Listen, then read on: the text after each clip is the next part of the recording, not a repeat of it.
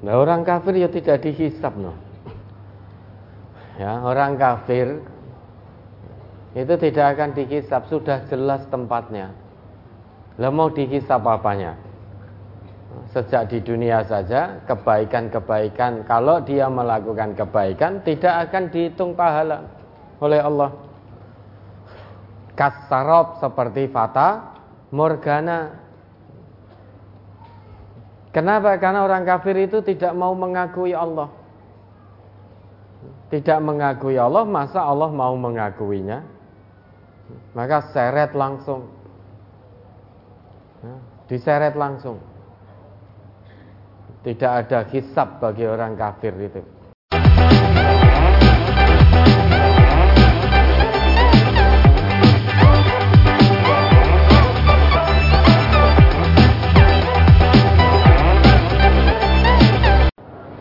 Assalamualaikum warahmatullahi wabarakatuh. Waalaikumsalam. Mari kita mulai.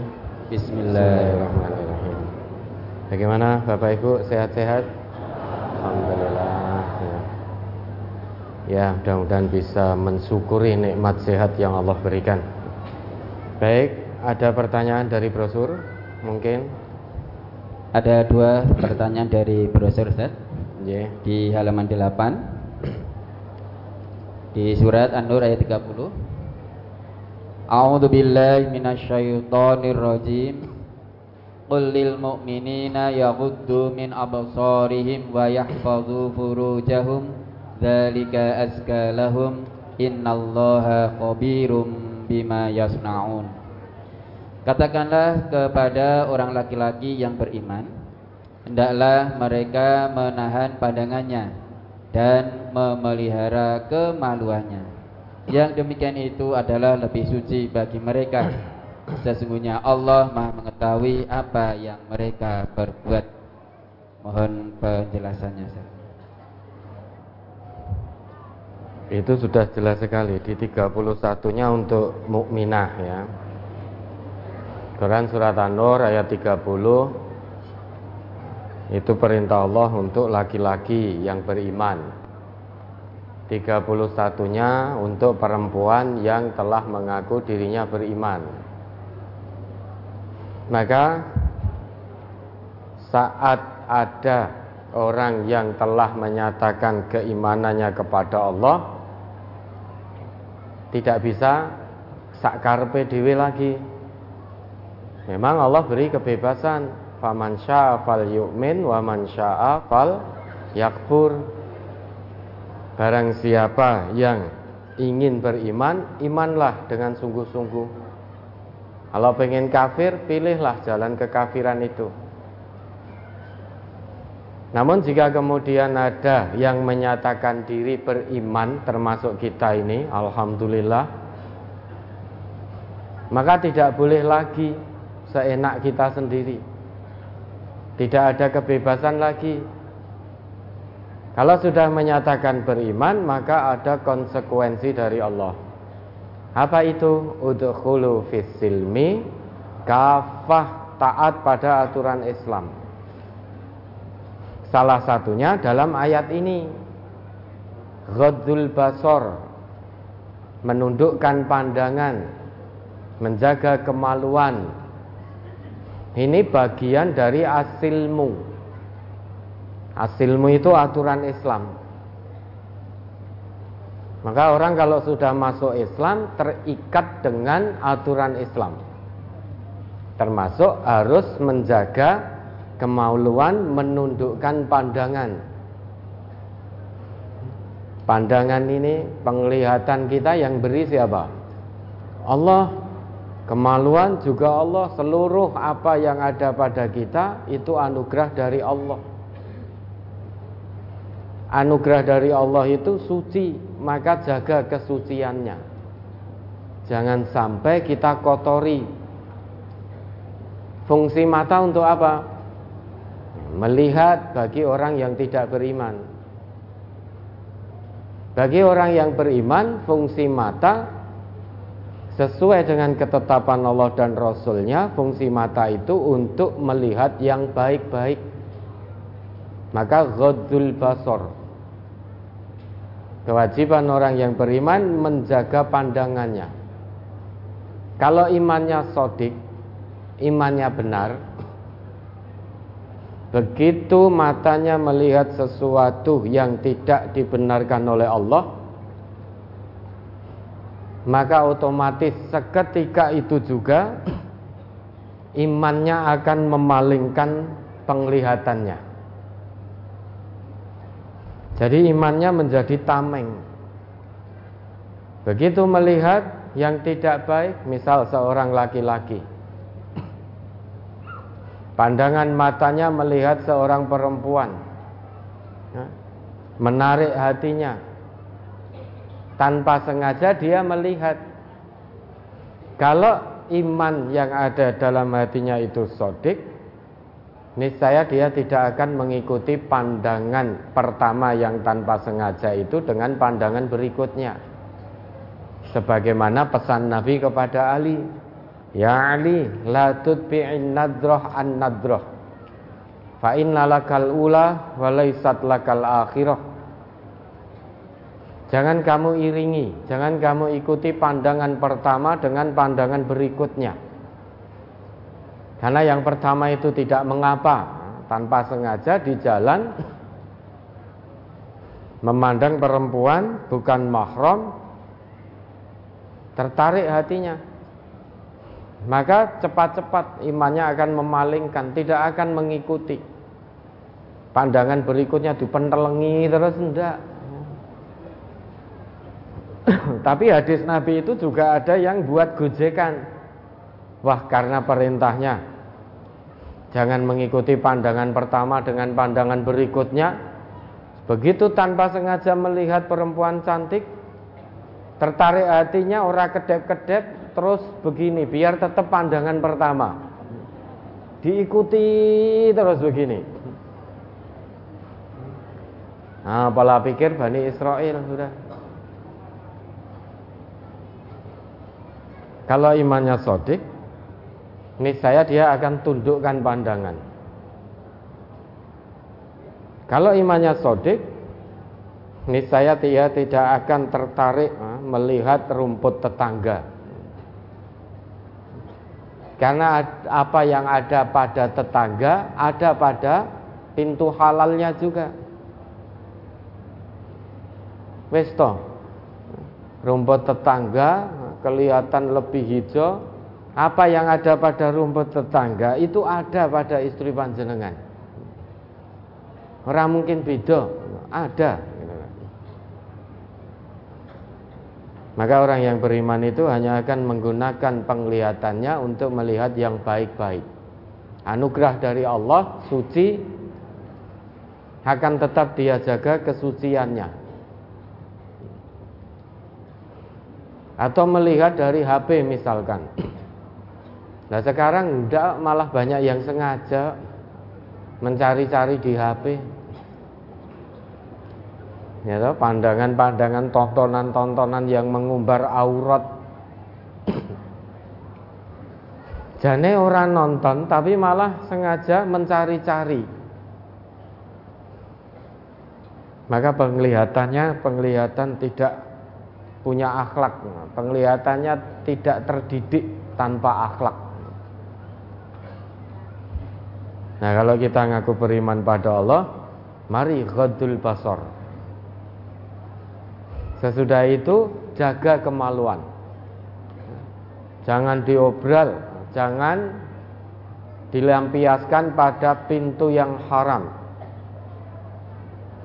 Kalau para pemuda sudah Kepingin ingin nikah, nikah. Kalau belum mampu, belum siap dengan puasa. Puasa berarti bisa puasa sunnah atau puasa menahan diri. Sibukkan dengan kegiatan-kegiatan positif. Biar kemaluan terjaga. Awalnya kemaksiatan di kemaluan itu awalnya dimulai dari pandangan biasanya.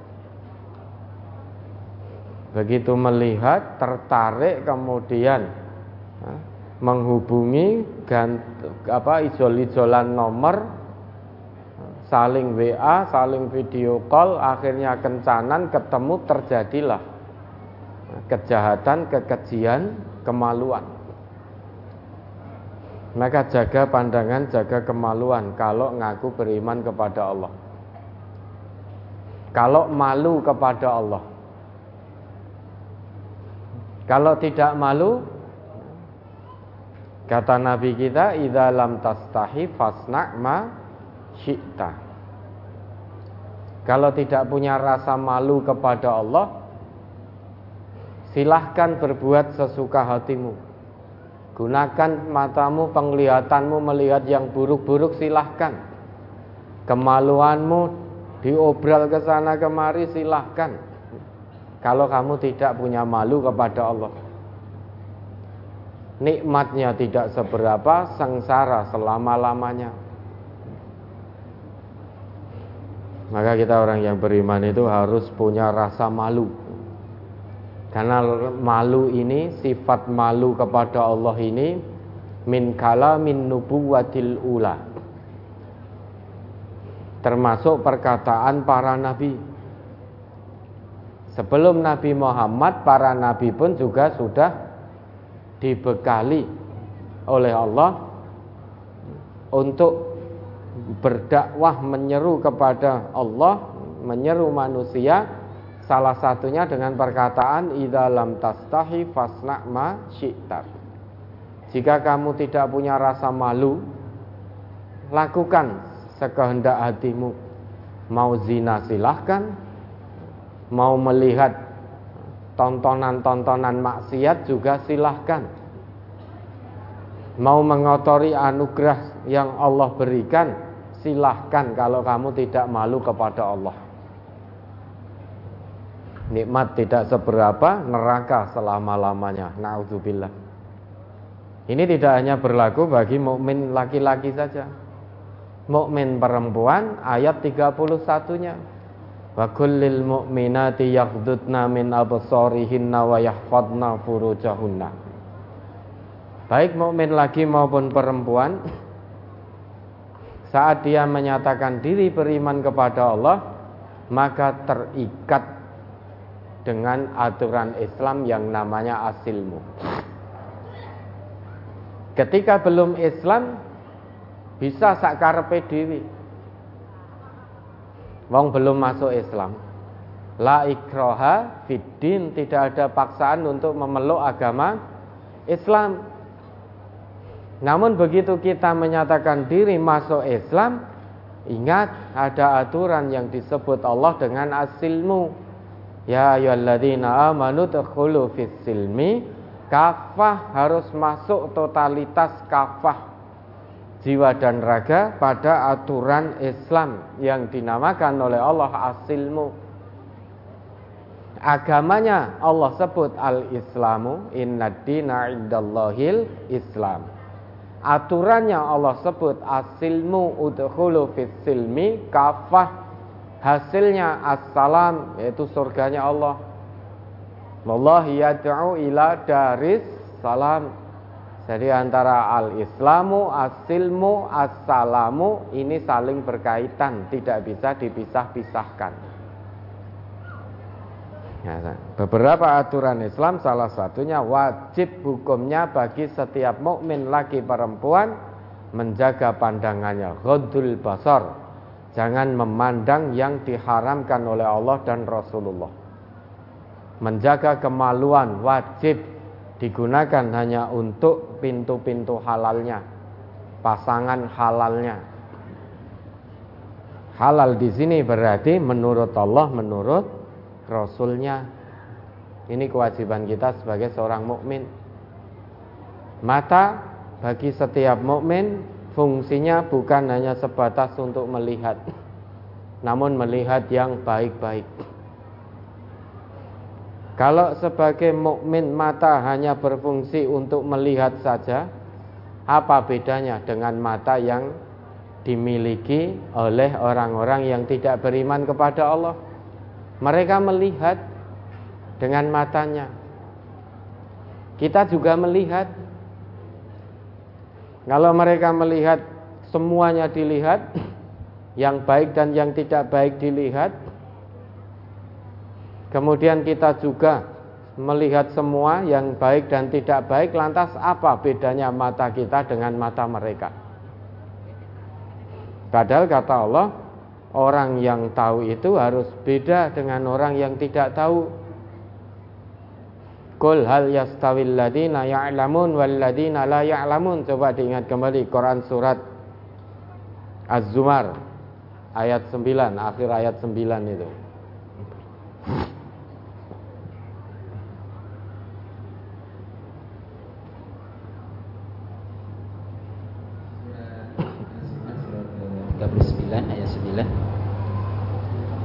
أمن هو قانت آناء الليل ساجدا وقائما يحذر الآخرة ويرجو رحمة ربه قل هل يستوي الذين يعلمون والذين لا يعلمون إنما يتذكر أولو الألباب Apakah kamu hai orang musyrik yang lebih beruntung ataukah orang yang beribadat di waktu-waktu malam dengan sujud dan berdiri sedang ia takut kepada azab akhirat dan mengharapkan rahmat Tuhannya?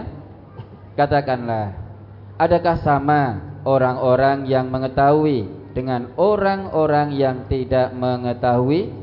Sesungguhnya orang yang berakallah yang dapat menerima pelajaran Orang Islam yang sesungguhnya itu orang Islam yang senantiasa takut akan azab Allah. Dan orang yang senantiasa mengharap rahmat dari Allah. Karena takut akan azab Allah, maka orang Islam yang sesungguhnya sulit untuk bermaksiat kepada Allah dari ujung rambut sampai ujung kaki itu sangat sulit untuk bermaksiat kepada Allah.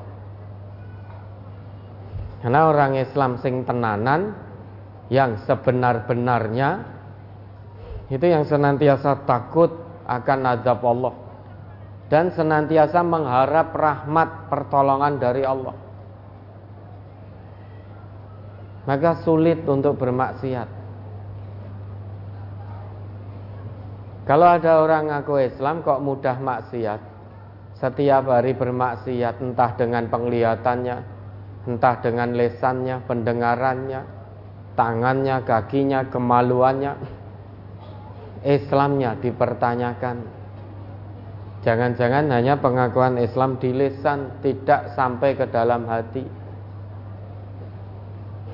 Maka banyak yang Islam KTP Ngaku Islam Neng matanya jelalatan ke mana-mana. Ngaku Islam Neng kemaluannya ke mana-mana. Berarti ini Islam-Islaman. Bukan Islam sesungguhnya. Orang Islam yang sesungguhnya itu orang yang tahu. Orang yang tahu betul akan azab Allah Sehingga takut betul Kalau bermaksiat kepada Allah melanggar ketentuan Allah, ketentuan Rasul itu takut sekali. Lah orang yang tahu harus beda dengan orang yang tidak tahu.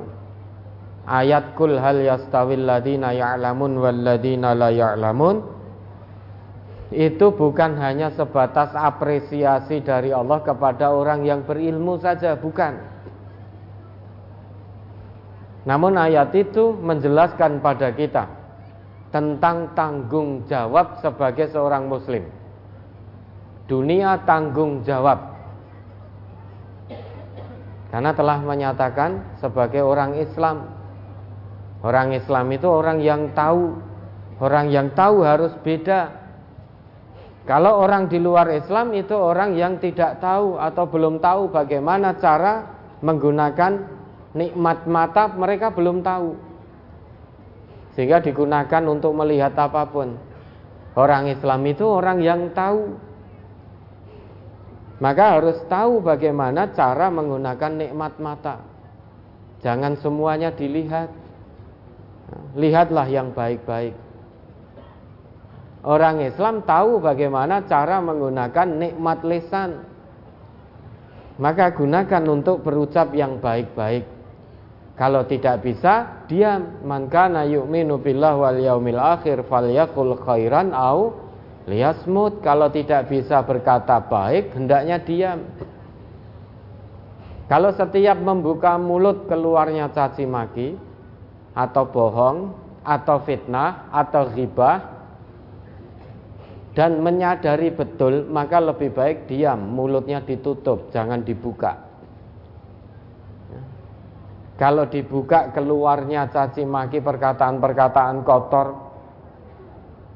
misuh, memfitnah, menggibah dan sejenisnya lebih baik diam biar tidak keluar perkataan kotor itu. Karena jika keluar dari lisan kita perkataan kotor, hakikatnya kita tidak bisa mensyukuri nikmat yang Allah berikan melalui lisan ini. Kalau orang di luar Islam wajar tidak tahu bagaimana mensyukuri nikmat lisan sesuai dengan fungsi yang Allah dan Rasul tetapkan. Mereka tidak tahu. Maka bicaranya ngawur saat senenge dewi sesuai hawa nafsunya. Nah kalau orang Islam juga keluar dari lesannya kata-kata kotor seperti itu, Lantas apa bedanya lesannya orang yang ngaku beriman dengan orang yang belum beriman? Dengan orang kafir berarti tidak ada bedanya. Sedangkan orang Islam itu orang yang tahu, maka orang tahu itu harus menjalankan, mengamalkan apa yang dia ketahui. Kalau ada orang Islam sudah tahu aturannya, menjaga pandangan, menjaga kemaluan, menjaga lisan. Kok ditabrak aturan itu? Karena mengikuti menuruti hawa nafsu, kata Allah itu bukan ulul albab, sekalipun ngaku Islam. Bisa jangan-jangan, jangan-jangan, jangan-jangan ini bahasa Jawa ini apa ini? Ojo-ojo kan ngokonya. Kalau kromo Injile apa? Ampun-ampun. Napa ya? Boten-boten. Pokoknya jangan-jangan ojo-ojo ora waras. Orang ngaku Islam tetapi matanya masih jelalatan ke mana-mana. Kemaluannya masih digunakan bukan pada yang halal. Ini jojo rawa rasa kali karena ulul albab itu orang yang bisa berpikir mengambil pelajaran. Coba ulul albab itu siapa? Azumar 18.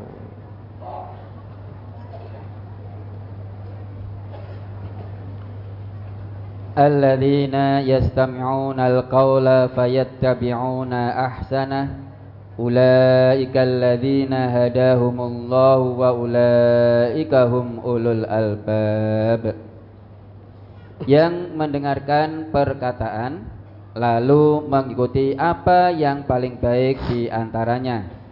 Mereka itulah orang-orang yang telah diberi Allah petunjuk dan mereka itulah orang-orang yang mempunyai akal. Ya, orang-orang yang ulul albab akalnya sehat itu orang yang mendapat petunjuk dari Allah dan menjalankan petunjuk itu sesuai dengan ketetapan Allah dan Rasul. Untuk mendapatkan petunjuk dari Allah, tidak ada jalan lain, tidak ada cara lain kecuali mengikuti sebaik-baik perkataan, yaitu Al-Quran. Kata Allah begitu.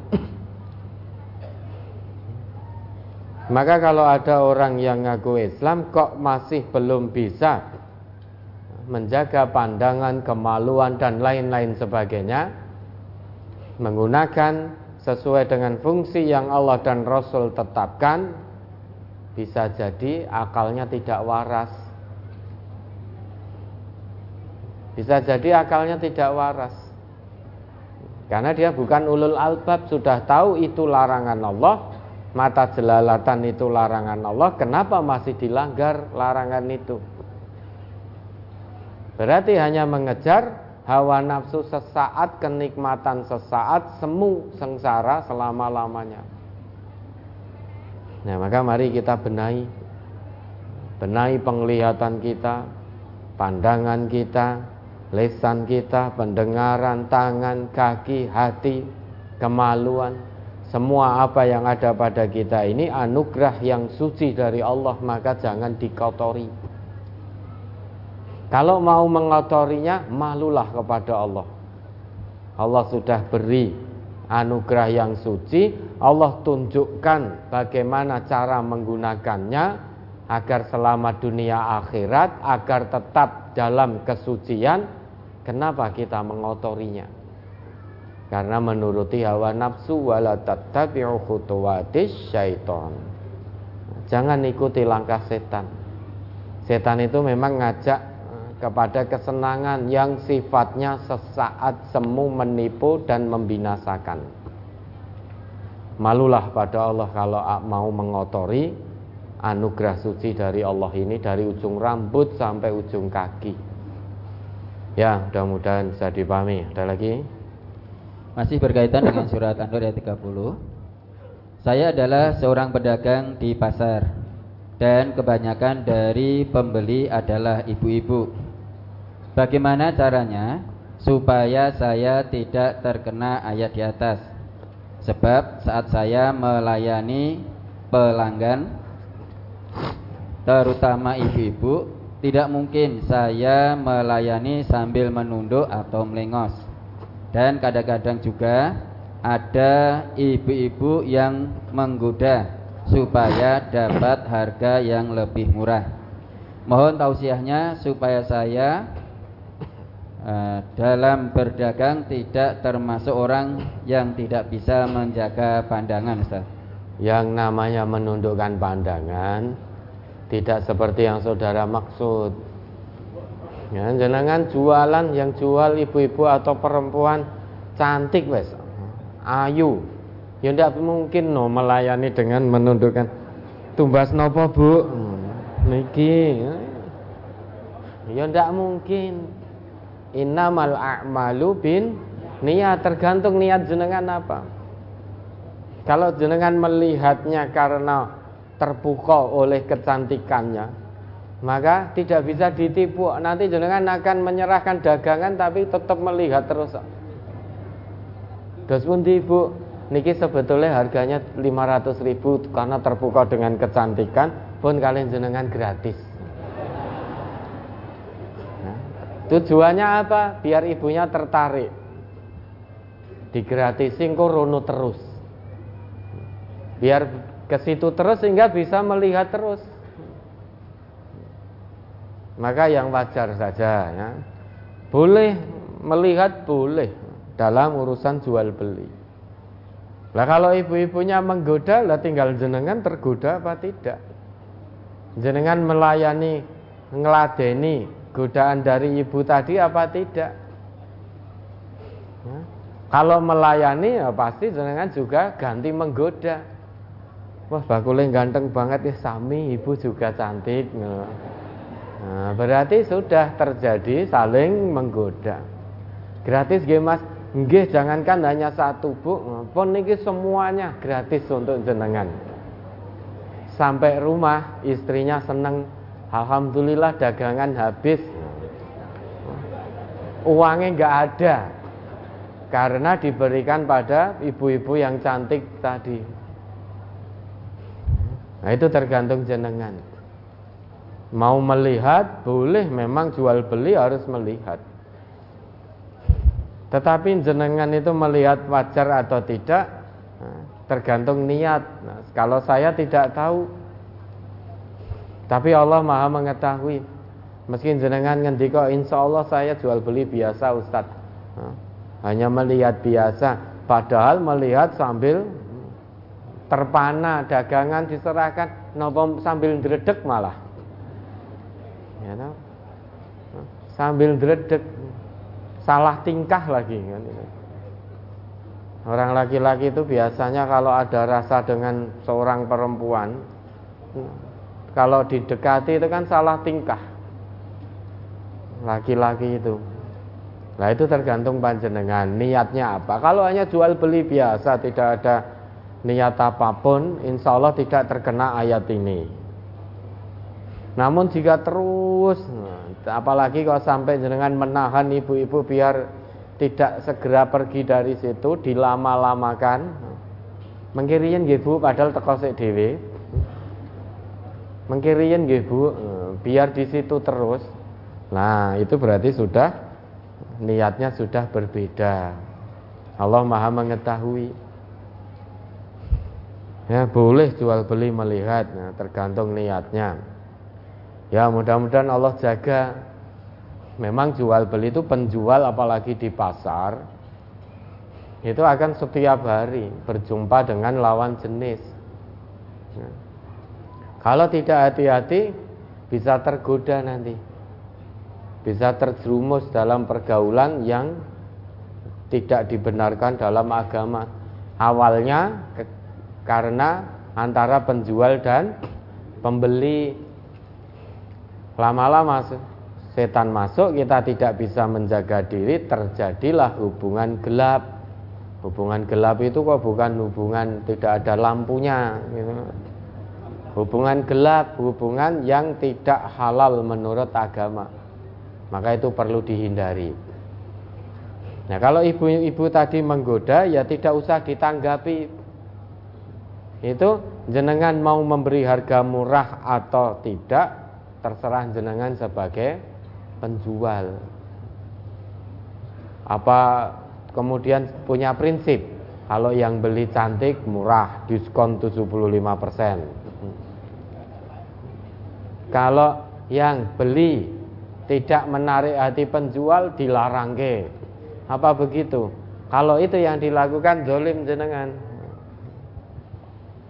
kalau menawar ya tergantung jenengan mau menurunkan harga atau tidak. Jangan melihat wujud fisik dari pembeli.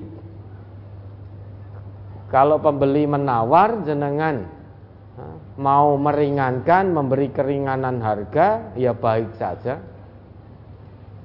Tidak menurunkan harga, ya sah-sah saja, tidak ada salahnya. Ya, maka senantiasa berlindung pada Allah di mana pun kita berada kata Nabi ittaqillah haitsuma kunta. Bertakwalah kepada Allah di mana pun kamu berada.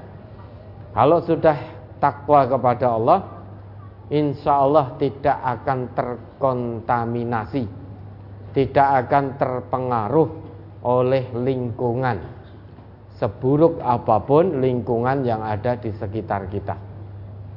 Syaratnya takwa Allah takwa kepada Allah syaratnya senantiasa merasa diawasi oleh Allah. Kalau itu bisa dilakukan, insya Allah jenengan jualan di pasar pun tidak akan terwarnai oleh lingkungan yang ada di pasar itu. Seburuk apa pun, sejelek apa pun yang terjadi di situ, kalau tetap bertakwa kepada Allah, senantiasa merasa diawasi oleh Allah, insya Allah terjaga. Namun justru malah bisa mewarnai, tidak terwarnai, namun bisa mewarnai. Ya, ada lagi? Masih di halaman 8 Hadis yang paling bawah Ala la yakhluwanna rajulun bimra'atin illa kana salisuhuma syaitan Rabbah Tirmidzi Ingatlah Tidaklah seorang laki-laki bersepi-sepi dengan seorang wanita Melainkan yang ketiganya adalah syaitan. Hadis riwayat Tirmizi. Apakah jika seorang laki-laki bersepi-sepi dengan wi'anan dengan seorang wanita yang bukan mahramnya ketiganya juga ada syaitan Ustaz. Iya, setan ikut wi'anan itu. Memang zaman sudah berubah. Kalau dulu sebelum ada ya, teknologi belum maju, belum ada HP, orang mau bersepi-sepi lagi dan perempuan memang bertemu sehingga bersepi-sepi. Yang ketiga setan. Nah, sekarang zaman sudah maju, teknologi sudah maju. Internet masuk ke mana-mana, sampai ke rumah-rumah, sampai ke kamar-kamar anak-anak kita. Apakah saat tidak bertemu dengan lawan jenis kemudian kita tidak bisa bersepi-sepi? Dengan WA, dengan video call. Apakah kalau sudah maju seperti ini terus hadis ini tidak berlaku? Apakah hanya berlaku saat kita bertemu saja? WA-an dengan lawan jenis video callan itu mendekati apa? Zina. Kalau menjurus-jurus itu mendekati zina. Sedang Allah larang wala taqrabuz zina innahu kana fahisyatan wa sabila. Jangan kamu dekati zina karena sesungguhnya zina itu perbuatan keji dan jalan yang buruk. Biar tidak terjadi perzinaan maka jangan dekat-dekat. Karena kalau mendekati zina potensi akan terjerumus dalam perzinahan. Salah satu mendekati zina weanan dengan lawan jenis WA yang tidak dibenarkan. WA-ne wis ngaco. Sudah tidak wajar WA-nya karena memang ada ketertarikan satu dengan yang lain. Anehnya lagi ngaku Islam sudah punya istri yang halal yang sana punya suami yang halal WA-nan Karena ada ketertarikan satu dengan yang lain. Setelah WA diikuti dengan video callan. Awalnya melihat dari jauh pakai jilbab, lama-lama laki-lakinya penasaran. Dia meminta perempuan untuk melepas jilbabnya. Ingin melihat rambutnya seperti apa, melalui video call, melalui ini. Begitu membuka rambutnya lama-lama penasaran. Diminta untuk membuka yang lain-lain melalui video call. Ada yang seperti itu tidak? Mungkin tidak itu terjadi. Sangat mungkin. Begitu melihat penasaran dari HP saja jarak jauh, setan tidak hanya berhenti cukup di situ harus ketemu ini, harus ketemu ben iso ngapak-ngapak ke. Hmm? Akhirnya ketemu. Begitu ketemu singkat cerita, saling pandang, saling pegang, wis terjadi hal-hal yang dilaknat oleh Allah. Berawal dari WA. Yang ketiga ya setan. Membujui. Menghembus-hembuskan was-was. Bisikan kotor keji. Nah nanti kalau sudah terjadi baru penyesalan. Bagi yang menyesal. Namun banyak pula yang tidak menyesal. Delalah perempuannya hamil laki-lakinya tidak siap. Setan tidak berhenti wes gugur ke wis gugurke. Set, tambah menggugurkan tambah membunuh kan itu. Berapa banyak perbuatan dosa yang terlaknat dilakukan hanya gara-gara dari WA lawan jenis belum lagi ketahuan isin jadi omongan saat desa tak kuat menahan malu setan bisiki wis timbange kowe urip rono rene mung diisin-isin bunuh diri wae gantung akhirnya gantung sudah sengsara dunia sengsara akhirat hanya gara-gara melalui WA nah kalau ini warga MTA ngaji di MTA amalkan hasil kajinya jauhi jauhi zina jangan dekat-dekat zina maka orang tua diawasi betul anak-anaknya. Jangan dibiarkan begitu saja. Percaya boleh pada anak, namun tetap dikawal. Pergaulannya, pendidikannya tetap dikawal. Jangan sampai akhirnya berdua-duaan bisa WA dengan lawan jenis, kemudian ditindaklanjuti dengan pertemuan, akhirnya terjadi hal-hal yang tidak diinginkan. Naudzubillah. Finar itu kalau tidak tobat, tobatan nasuha. Ya, hati-hati, hati-hati dengan kemajuan teknologi. Hati-hati dengan internet. Memang banyak manfaatnya. Namun sebelum mengambil manfaat, pertimbangkan dulu madorotnya. Darul mafasid muqaddamun ala jalbil Masoleh mencegah kerusakan lebih didahulukan daripada mengambil maslahat. Dengan internet, dengan Android, pinginnya mengambil maslahat, namun yang terjadi madorot kerusakan tidak dipertimbangkan, maslahat belum terambil, madorot sudah menimpa. Ya, orang tua sejak dini hati-hati. Anak-anak kita jangan lagi dididik oleh HP. Dimong oleh HP karena orang tuanya sibuk kerja bapak ibunya sampai tidak ada waktu lagi untuk mendidik anak-anak. Pokoknya wis di sekolah ke percaya 100% pada sekolahan. Itu orang tua yang tidak paham menjadi orang tua. Biar bagaimanapun fa'abawahu yuhawidanihi au yunassiranihi au yumajjisanihi. Kullu mauludin yulatu 'alal fitrah. Pendidik dan pengajar yang utama bagi anak-anak adalah orang tuanya. Hmm? Kullukum ra'in wa kullukum mas'ulun an ra'iyatih. Setiap kalian adalah pemimpin. Dan setiap pemimpin akan dimintai pertanggungjawaban tentang kepemimpinannya. Orang tua pemimpin bagi anak-anaknya maka orang tua akan ditanya oleh Allah tentang kepemimpinan terhadap anak-anaknya. Apakah dia membimbing anak-anaknya ke jalan yang benar?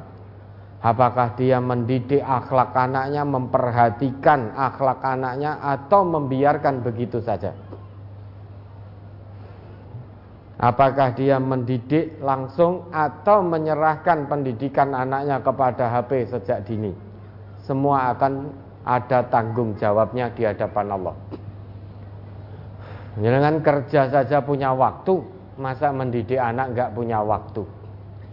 Padahal anak ini amanah ilahiyah, amanah dari Allah yang harus dididik sejak dini.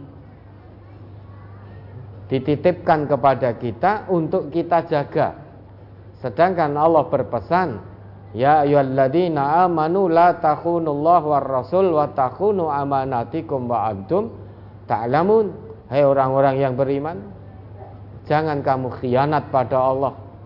Jangan pula khianat kepada Rasulullah dan jangan mengkhianati amanah yang ada pada dirimu sedang kamu mengetahui. Orang tua yang menyerahkan pendidikan akhlak, menyerahkan pendidikan tumbuh kembang anaknya nyerahke yang ngomong HP itu orang tua yang khianat terhadap amanah dari Allah. Hanya gara-gara sibuk kerja tidak punya waktu. Sampai di hadapan Allah akan ditanya nanti. Berkali-kali kita jelaskan anak itu usia anaknya al ilmu fi sighari kan naqshi alal Hajar ilmu di waktu kecil itu seperti mengukir di atas batu. Sehingga memori anak waktu kecil kuat sekali. Kalau kita serahkan pendidikannya, tumbuh kembangnya pada HP, anak itu akan menirukan apa yang dia lihat, apa yang dia dengar dari HP. Kalau dia melihat sesuatu yang buruk di HP, anak belum ngerti kalau itu buruk. Kalau dia mendengar ucapan yang buruk dia dari HP, kata-kata kotor, anak akan menirukan. Karena masuk dalam memori anak seperti ukiran di atas batu, sulit hilangnya. Maka jangan kaget kok tiba-tiba nanti anak jenengan berkata dengan kata kotor. Itu jangan kaget padahal jenengan tidak pernah ngajari. Dari mana? Ya tentu dari HP-nya. Karena anak belum bisa memfilter, belum tahu ini perkataan kotor, ini perkataan baik itu belum tahu. Anak itu hanya bisa meniru. Maka kalau ada anak kecil tiba-tiba mengucapkan kalbun gitu ya. Segawon gitu. Jangan ampun kaget. Ya harus prihatin, ngelus dodo. Istighfar pada Allah telah memberi pendidikan HP pada anak sehingga anak menirukan kata-kata itu. Nauzubillah. Ya ini bahayanya. Memang ada manfaat dan madorot. Namun sebelum mengambil manfaatnya, pikirkanlah dulu madorotnya. Ya, darul mafasid muqaddam ala jalbil masoleh. HP ini, Android, internet banyak manfaat, namun madorotnya juga besar. Bukan bagi anak-anak saja, bagi anak-anak tua juga begitu. Bagi orang tua berapa banyak yang terlibat dalam perselingkuhan karena HP, karena internet, karena Android dan lain sebagainya. Padahal orang tua itu sudah ngerti mana yang hak, mana yang batil. Namun dorongan hawa nafsu begitu kuat sehingga dia tidak peduli lagi. Yang penting hawa nafsu terpenuhi. Melalui gara-gara HP. Anak-anak saja terjerumus orang tua saja terjerumus karena internet apalagi anak-anak kalau tidak kita kawal maka dalam satu keluarga ku anfusakum wa ahlikum naro baik bapaknya ibunya itu harus menjaga menjaga diri dan keluarganya jangan sampai nanti tersentuh api neraka kalau sudah tersentuh nggak bisa keluar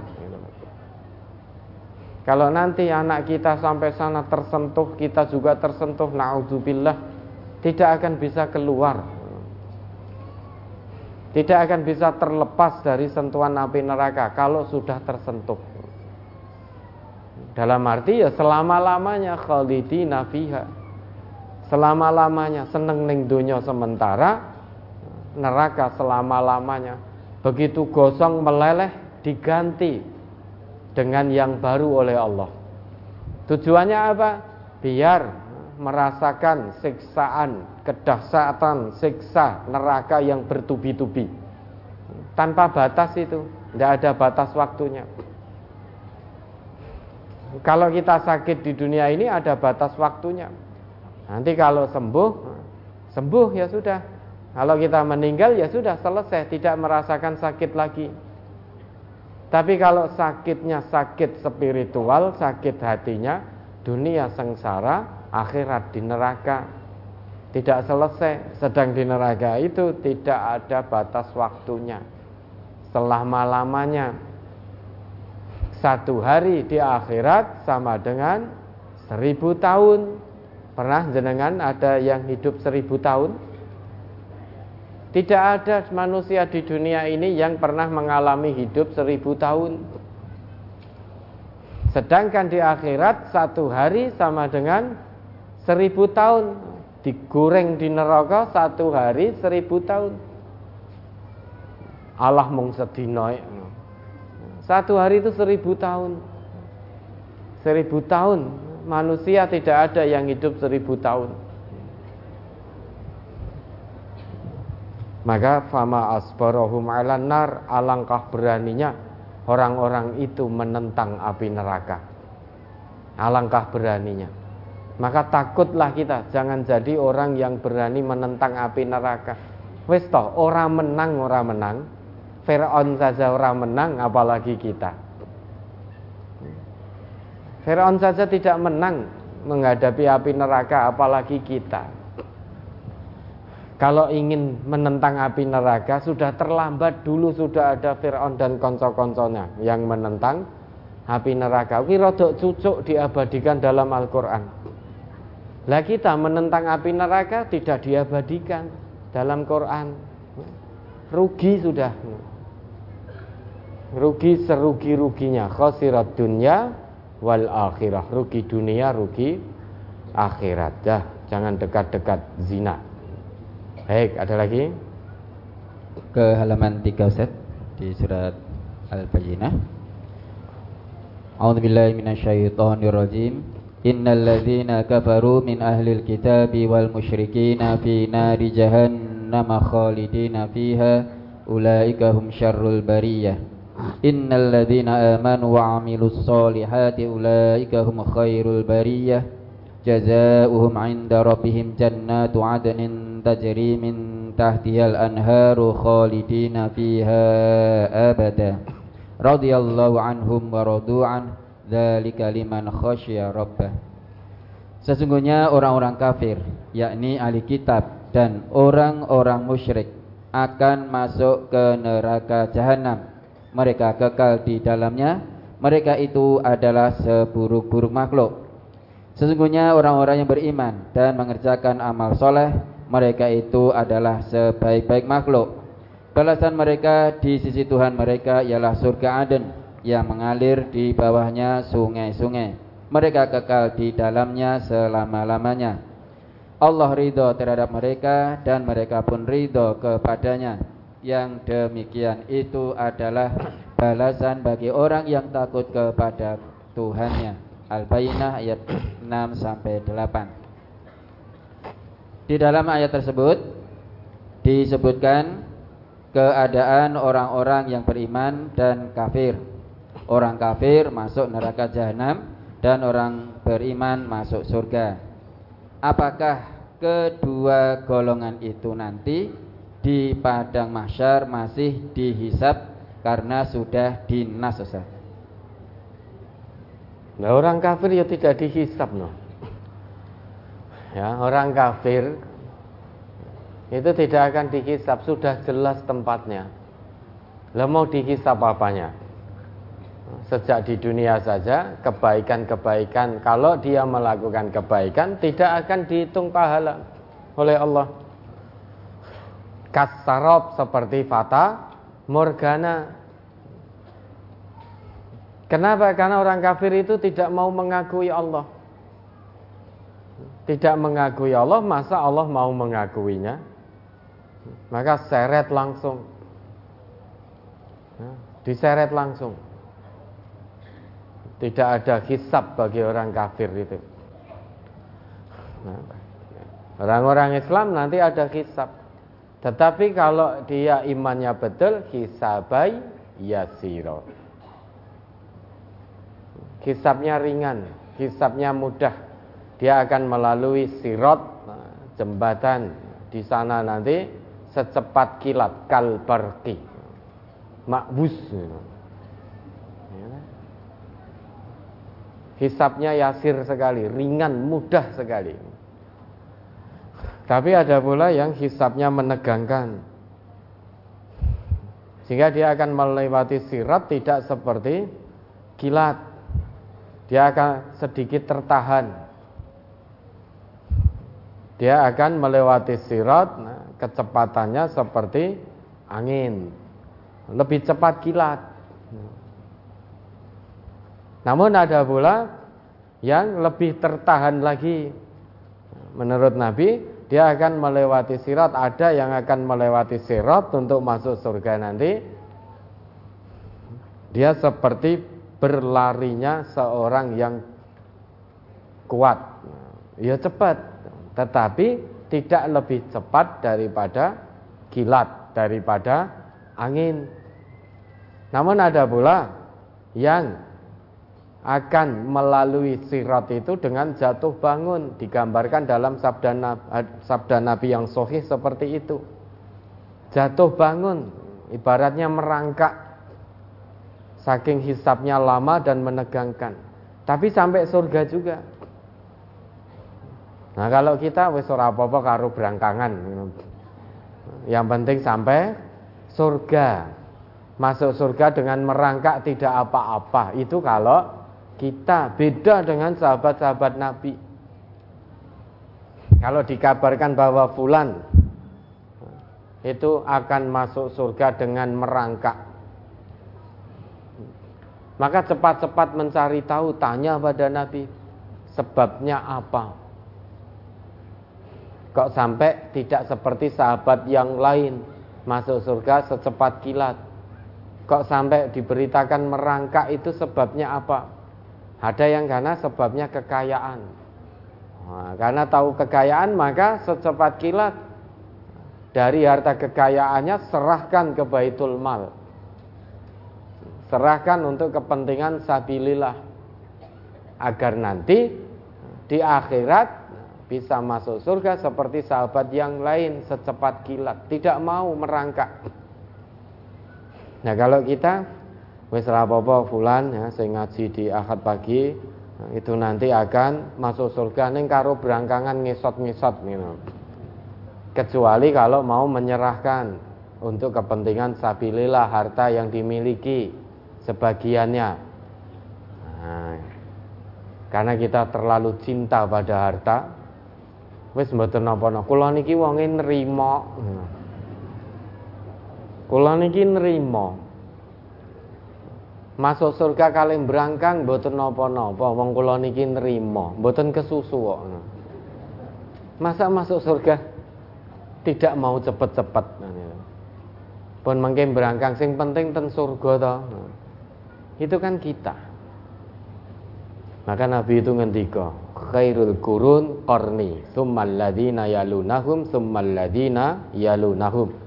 Sebaik-baik generasi adalah generasiku, generasi para sahabat eh, apa? Generasi para nabi, para rasul. Kemudian sesudah itu generasi berikutnya yang sesudah nabi dan rasul yaitu generasi para sahabat. Sesudah itu generasi sesudah sahabat. Lah kita ini tidak tahu sampai generasi mana. Makanya laqad kana lakum fi Rasulillah uswatun hasanah. Pada diri Rasul itu ada suri toladan. Bagi siapa? Liman kana yarsullah wal yaumal akhir wa dzakarallaha katsira. Bagi orang yang mengharap rahmat dari Allah, mengharap kedatangan hari kiamat, dan juga yang senantiasa berzikir mengingat Allah dengan zikir yang banyak. Nah, orang kafir jelas tidak ada yang dihisap apa yang mau dihisap. Wong dia tidak mengakui Allah, masa ingin mengharapkan pahala dari Allah? Tentu tidak, itu sudah dimulai saat dia sakaratul maut. Coba diingat itu. Di dalam brosur juga ada Al-Mu'minun 9900 itu. Hatta idza jaa ahadahumul mautu qala rabbirji'un la'alli a'malu solihan fima taraktu. Kalla innaha kalimatun huwa qailuha wa min waraihim barzakhun ila yaumi yub'atsun coba dibaca lagi itu. Baik di brosur halaman 2 paling bawah hatta idza jaa ahadahumul mautu qala rabbirji'un la'alli a'malu salihan fima taraktu kalla innaha kalimatun huwa qailuha wa min waraihim barzakhun ila yaumi yub'atsun Demikianlah keadaan orang-orang kafir itu hingga apabila datang kematian kepada seseorang dari mereka, dia berkata, "Ya Tuanku, kembalikanlah aku ke dunia agar aku berbuat amal yang soleh terhadap yang telah aku tinggalkan." Sekali-kali tidak. Sesungguhnya itu adalah perkataan yang diucapkannya saja dan di hadapan mereka ada dinding sampai hari mereka dibangkitkan. Ada notnya tidak itu?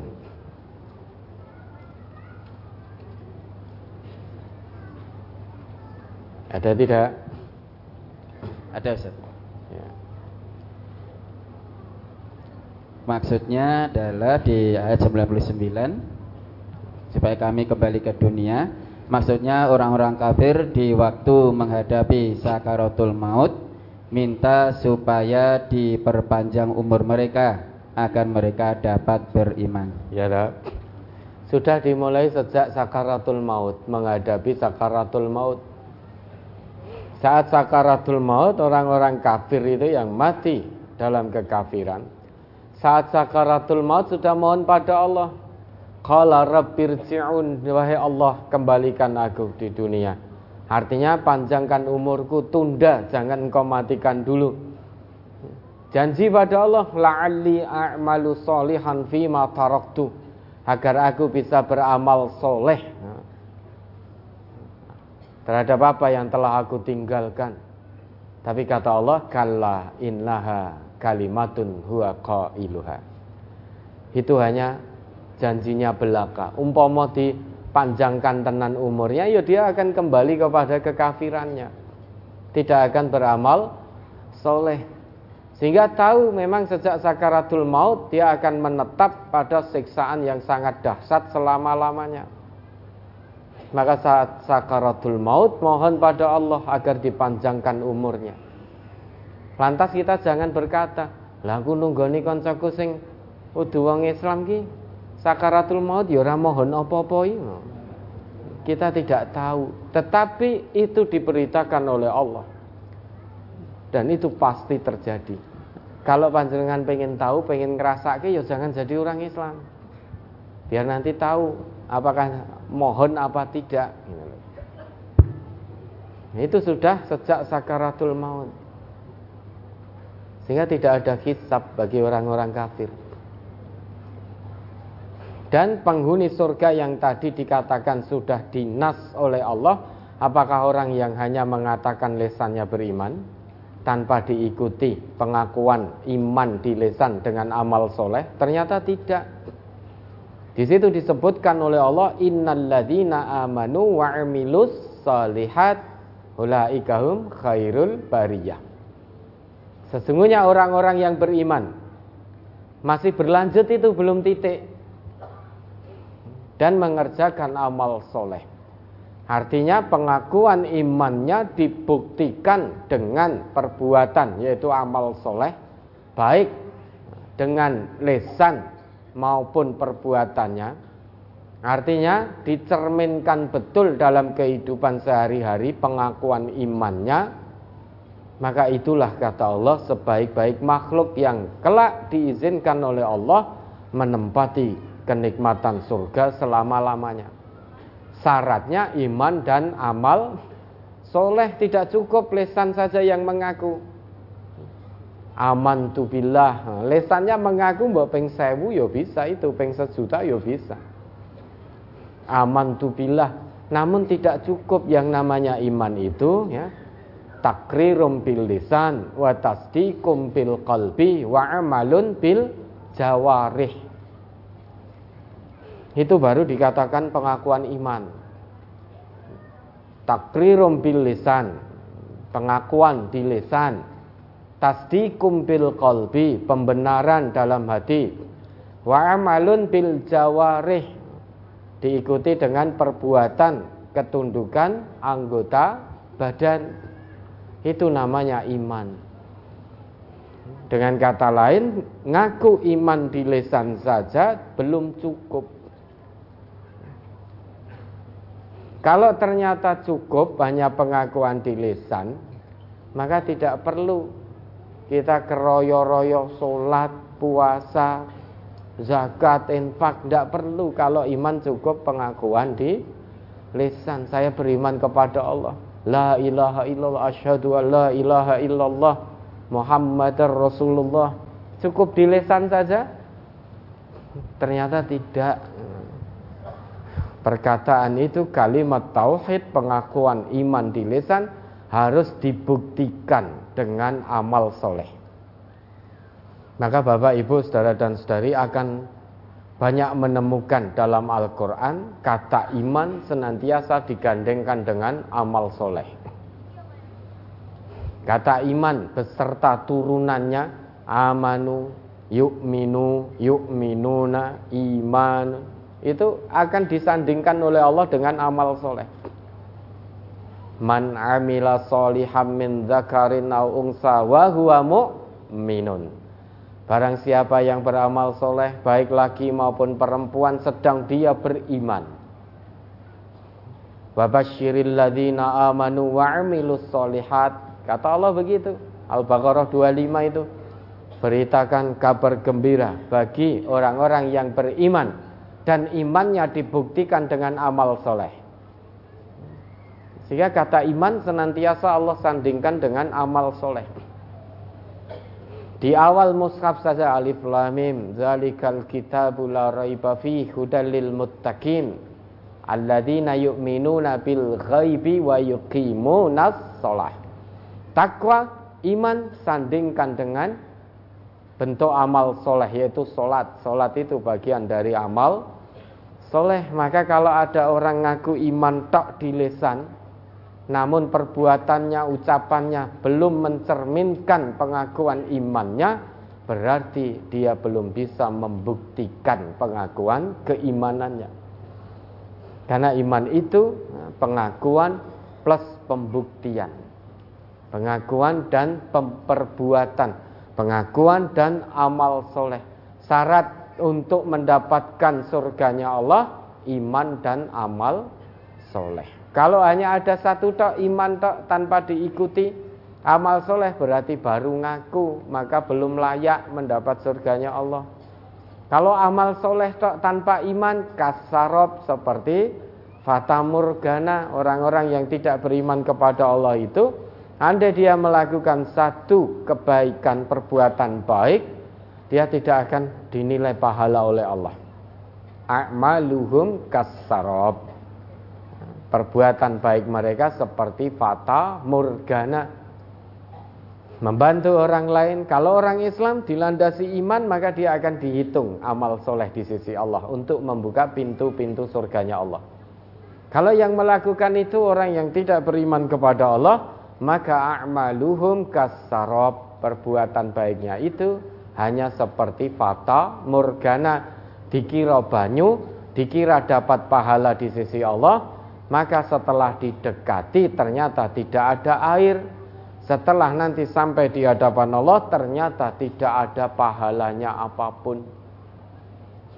Maka dua hal ini iman dan amal soleh itu menjadi kunci pembuka surganya Allah. Dua-duanya harus ada. Tidak boleh hanya ada satu tok itu tidak boleh. Ya, ada lagi. berkaitan dengan brosur tentang zuhud sesuai dengan tema zuhud dalam kehidupan dunia kurang zuhudnya saya terhadap pandangan dunia membuat perjalanan terjal saya dalam memilih pasangan yang terlalu memperhatikan aspek dunia tanpa mengedepankan ilmu agama. Al izinkan saya dan tolong membantu saya untuk menemukan jodoh untuk saya yang paham mengaji. Karena sesungguhnya mencari pasangan di pengajian lebih baik daripada di sosial media demi menghindari hal maksiat Ustaz. Jangan tujuan ngaji ini cari pasangan atau tujuannya ikhlas karena Allah. Kalau tujuannya cari pasangan nanti datang ke sini randang melebu-melebu ngadeg di depan itu sambil melihat di sing cocok. Ya. Lah kalau tadi nyari seorang mukminah paham betul agama, mengamalkan betul agama. Nah, saya tanya dulu, jenengan ngamalkan belum? Jenengan mukmin belum? Mukmin seutuhnya belum? Atau hanya sebatas mukmin pengakuan? Maka kita juga perlu tahu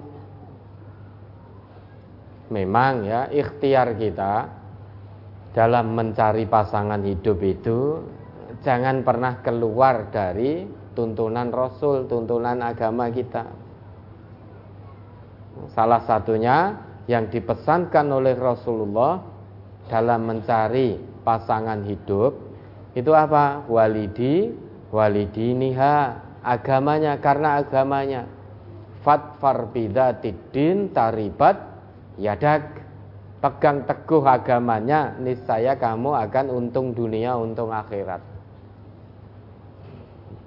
Tetapi pesan Nabi ini karena ada di posisi keempat biasanya dilupakan. Laki-laki ini berdalih karena gundeli pesan Nabi. Loh, Nabi saja perintahkan fangkihu almar'ah li arba nikahi wanita karena empat hal. Pertama li jamaliha karena cantiknya. Biasanya berhenti di nomor satu ini tok. Yang kedua, wali nasabiha karena nasabnya. Atau kedua, lima liha karena hartanya. Biasanya pertama dan kedua. Yang ketiga, linasabiha karena nasabnya keturunan baik-baik. Karena potensi kalau orang tuanya baik, taat beragama bisa jadi potensi besar anaknya juga akan terdidik dalam lingkungan yang baik. Yang keempat walidiniha. Kemudian Nabi menutup fatfar bidatidin taribat yadak. Pegang teguh agama. Nabi tidak ngendiko fatfar bidatil jamal, tidak fatfar bidatil mal atau fatfar bidatin nasab juga tidak. Tapi pesan Nabi fatfar bidatidin. Pegang agamanya. Berarti yang nomor satu, nomor dua, nomor tiga boleh boleh hilang dalam mencari pasangan. Karena cantik itu relatif. Cantik menurut saya belum tentu cantik menurut panjenengan relatif, maka boleh hilang ini. Kemudian kekayaan boleh tidak kaya. Daripada kaya punya uang nggak punya nafas, sehingga tidak bisa hidup, lebih baik tidak kaya, tapi masih Allah beri nafas, sehingga masih bisa berusaha untuk mencari kehidupan. Daripada kaya nggak punya nafas kan sudah tidak bisa hidup. Ya. Namun tidak punya uang, Allah masih beri nafas, masih bisa hidup. Maka kekayaan boleh tidak ada. Kemudian yang ketiga nasab. Tidak dari keturunan baik-baik, tidak apa-apa. Yang penting dia mukminah. Banyak kok bapak ibunya tidak baik, anaknya baik.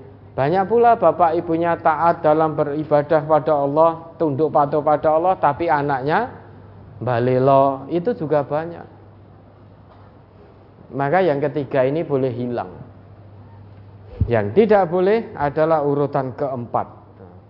Fatfar bitadidin itu, walidinia, agamanya, agamanya. Memang kalau bisa empat-empatnya. Ya cantik, ya kaya, keturunan baik-baik dan dia juga baik betul, taat pada Allah betul dan agamanya baik. Spek malaikat ini.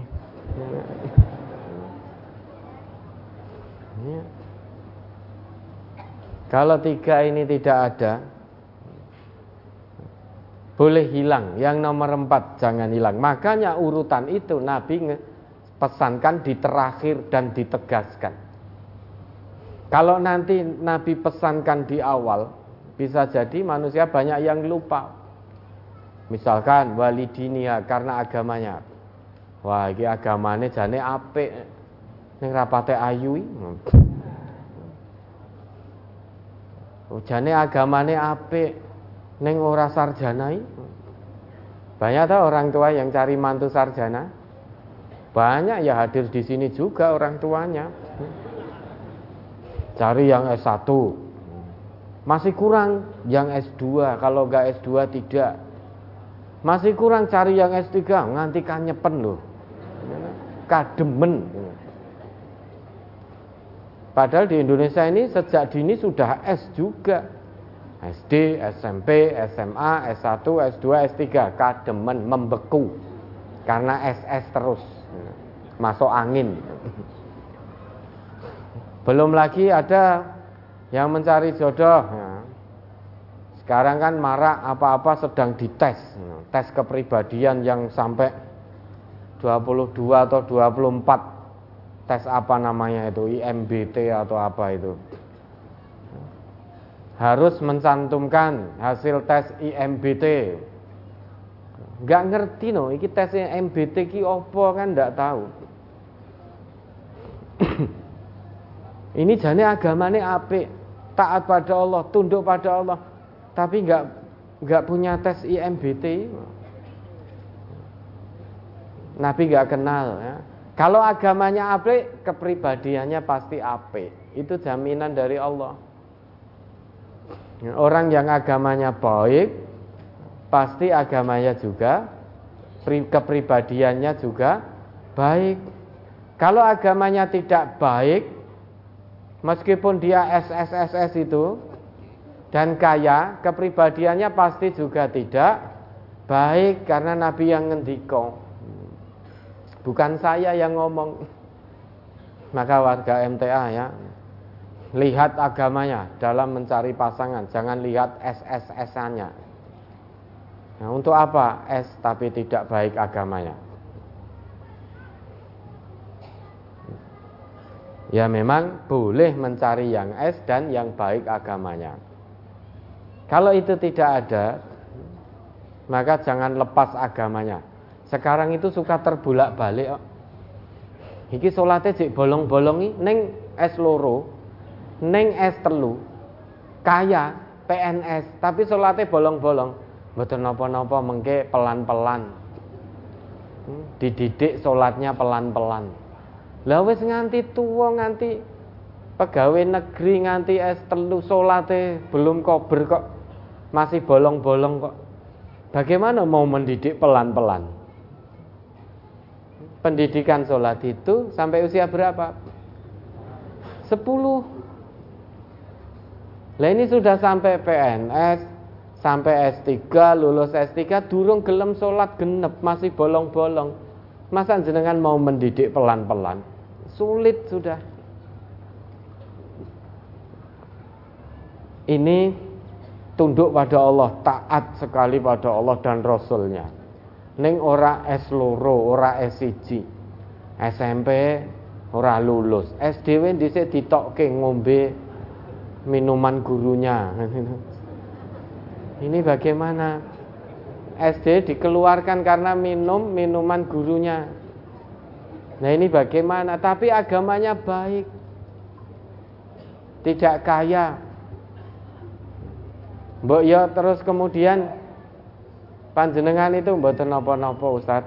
Yang penting agamanya baik nanti masalah ekonomi kita pelan-pelan. Masalah ekonomi kita pelan-pelan dan itu sangat memungkinkan kalau ekonomi yang pelan-pelan. Tapi kalau mendidik sholat sudah sampai dewasa tua itu angel gitu loh. Allah saja ditentang, Allah saja dilawan, apalagi putri panjenengan. Sholat saja diabaikan. Allah yang memberi kehidupan, yang menciptakan dia, maha segalanya, itu saja diacuhkan, diabaikan dilawan apalagi hanya putri panjenengan. Allah saja ditipu apalagi hanya putri panjenengan itu kalau mencari pasangan hidup yang tidak baik agamanya. Mbok pola pikirnya itu yang sehat itu loh jadi ulul albab tenang.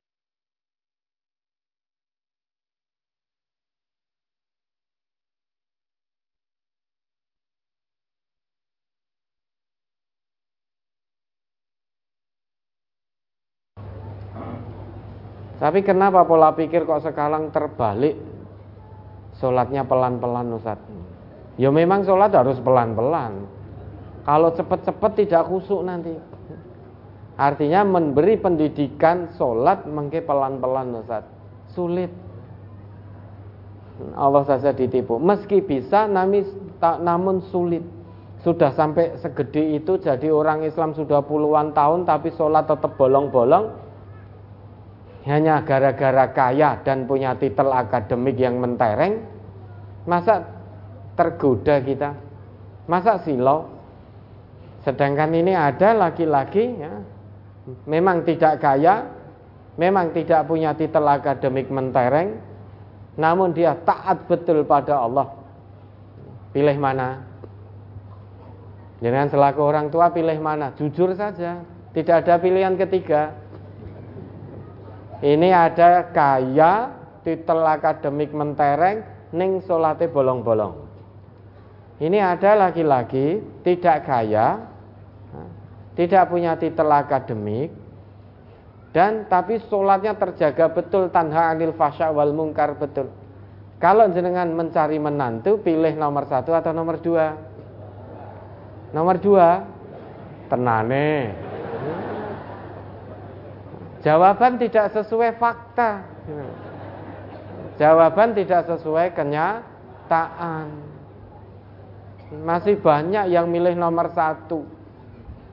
Bahkan di situ tertulis kalau sholatnya masih belum tegak, masih bolong-bolong, insya Allah kami selaku orang tua siap mendidik dengan perlahan Ustadz. Nah, maka yang jawaban yang keluar dari jenengan itu tidak sesuai fakta. Meskipun tetap ada yang milih nomor dua. Kalau kita ulul albab, akal kita sehat, maka akan berpikir dengan benar. Pilih nomor dua ekonomi pelan-pelan, yang penting berkah. Tidak harus kaya. Kaya kalau tidak ada berkah dari Allah untuk apa? Tapi kalau Allah sudah turunkan berkah dari langit dan bumi, maka hati kita tenang, tidak gelisah. Segala urusan dunia Allah yang selesaikan. Syaratnya iman dan takwa. Iman dan takwa berarti agamanya harus baik. Allah tunduk pada Allah pasti putri panjenengan akan dijaga, akan dibimbing, akan dinafkahi, akan berusaha menunaikan kewajibannya sebagai seorang suami, tidak akan KDRT dan lain sebagainya dan lain sebagainya. Itu bagi yang agamanya baik. Namun biasanya memang kita keblinger silau nek mantune itu es sekian kaya itu rumangsane terhormat jadi mencari kehormatan di mata manusia mengabaikan kemuliaan di sisi Allah dikenal oleh penduduk bumi namun dilupakan oleh penduduk langit pengen dikenal oleh penduduk bumi, dikenal oleh manusia, oh mantune suge. Oh mantunya dokter. Ning ora salat, wi dokter ning ora salat. Lebih suka dikenal oleh penduduk bumi daripada dikenal oleh penduduk langit. Pilih dikenal penduduk bumi atau penduduk langit. Langit tenane kan itu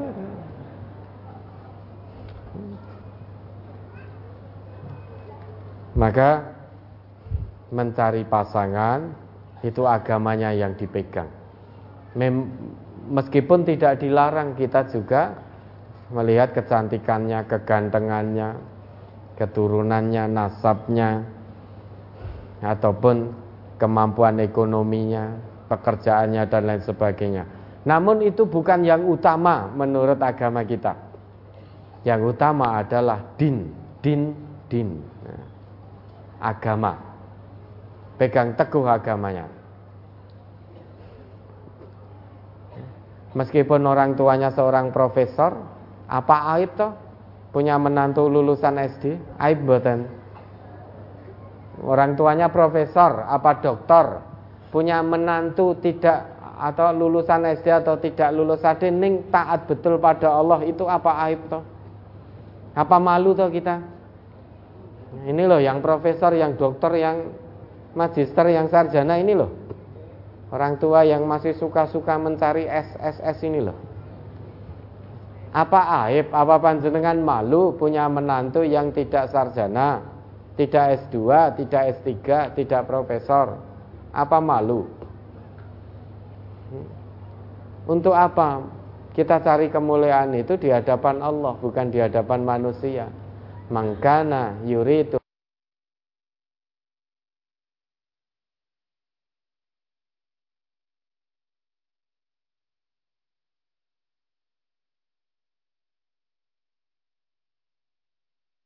semua kemuliaan apa pun bentuknya itu ada pada sisi Allah. Maka jangan cari kemuliaan di hadapan manusia, semu menipu. Carilah kemuliaan di sisi Allah. Maka tidak perlu malu, harusnya jenengan malu. Punya menantu, akademiknya mentereng, kaya ning ora salat, harusnya malu. Bukan kok lantas punya menantu, tidak punya gelar akademik, tidak kaya, konon pekerjaannya hanya serabutan. Apa nek wis serabutan itu jelek toh? Yang penting halal dan berkah. Itu lebih mulia di hadapan Allah daripada koruptor, tukang garong uang rakyat itu.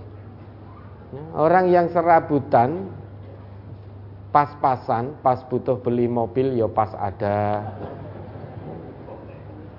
Orang yang serabutan yang secara matematika manusia nominalnya sedikit. Namun kalau dia mencarinya dengan halal, itu akan turun berkah dari Allah. Mulia dunia, mulia akhirat. Daripada para garong uang rakyat itu. Uangnya banyak itu, titelnya akademik mentereng. Namun dia korupsi. Harusnya kalau punya menantu seperti itu kita malu.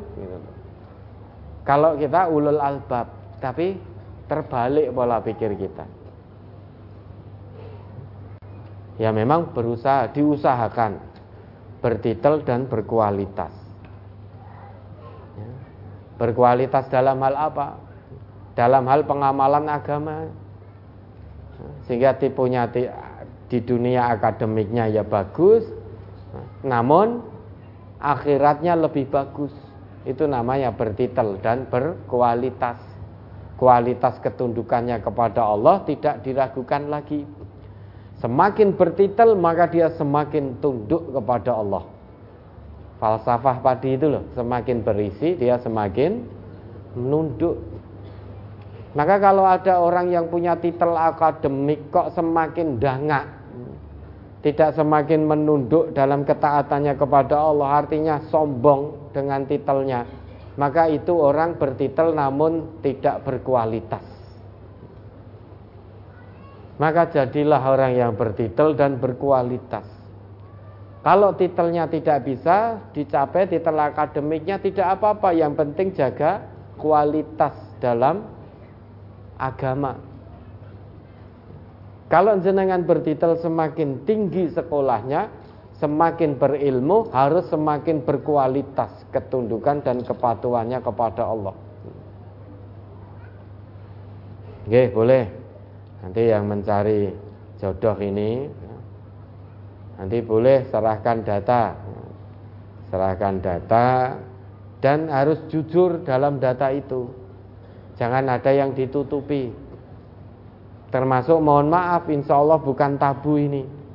Ya. Termasuk di situ tercantum tentang ketertarikannya pada lawan jenis.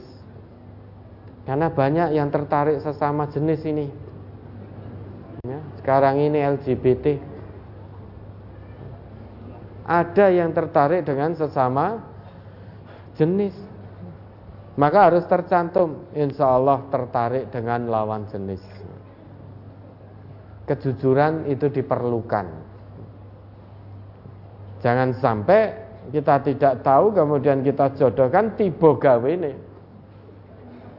Ternyata tertarik dengan sesama jenis, sesama jenis, naudzubillah. Akhirnya kita yang ditutup. Nah Ustadz itu menjodohkan saya kok ternyata tidak tertarik dengan saya, tidak bisa memberi nafkah biologis. Nah saya kan juga tidak tahu kan itu. Maka harus jujur di situ. Dalam data itu tertulis. Tertulis. Dan tidak hanya tertarik saja. Poin keduanya, insya Allah sanggup memberi nafkah lahiriah, nafkah lahir dan biologisnya. Lah, nafkah lahir batinnya itu juga harus tertulis.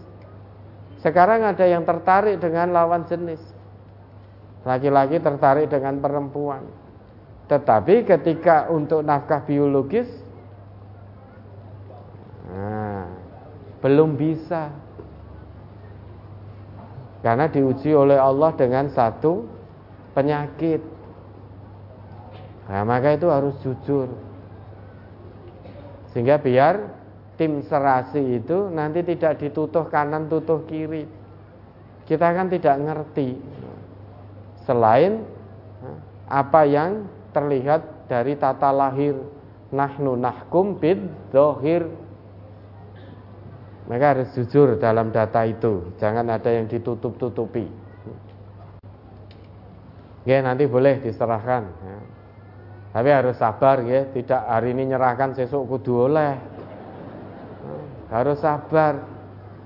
Jenengan mungkin mau tapi belum tentu perempuannya yang mau. Memang laki-laki menang milih tapi perempuan menang nolak. Nah ditolak ya jangan sakit hati di MTA sudah biasa. Ya nanti ditaruhkan kemudian diminta setelah itu. Di lain hari kita minta gimana cocok gak kalau lakinya cocok, perempuannya ya tidak cocok, ya tidak bisa dijalankan.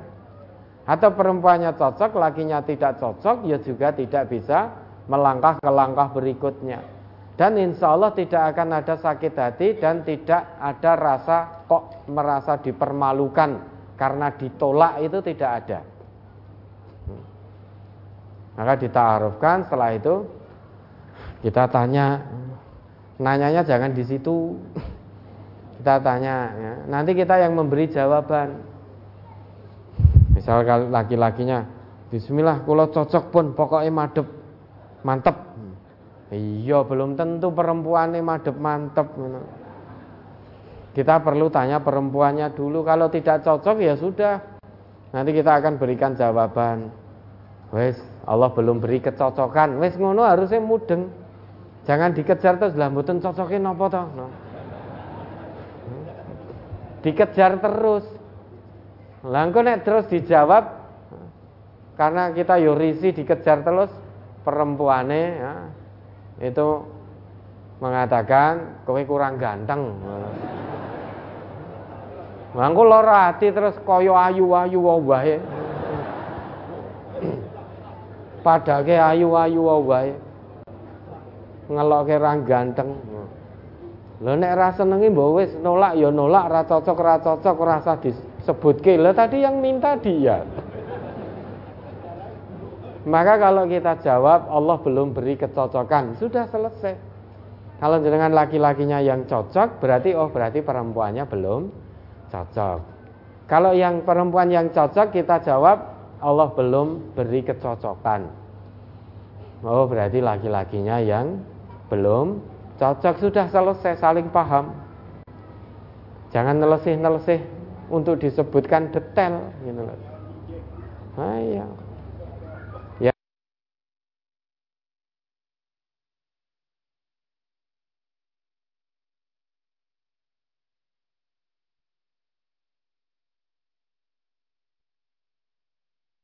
Tidak berkenan.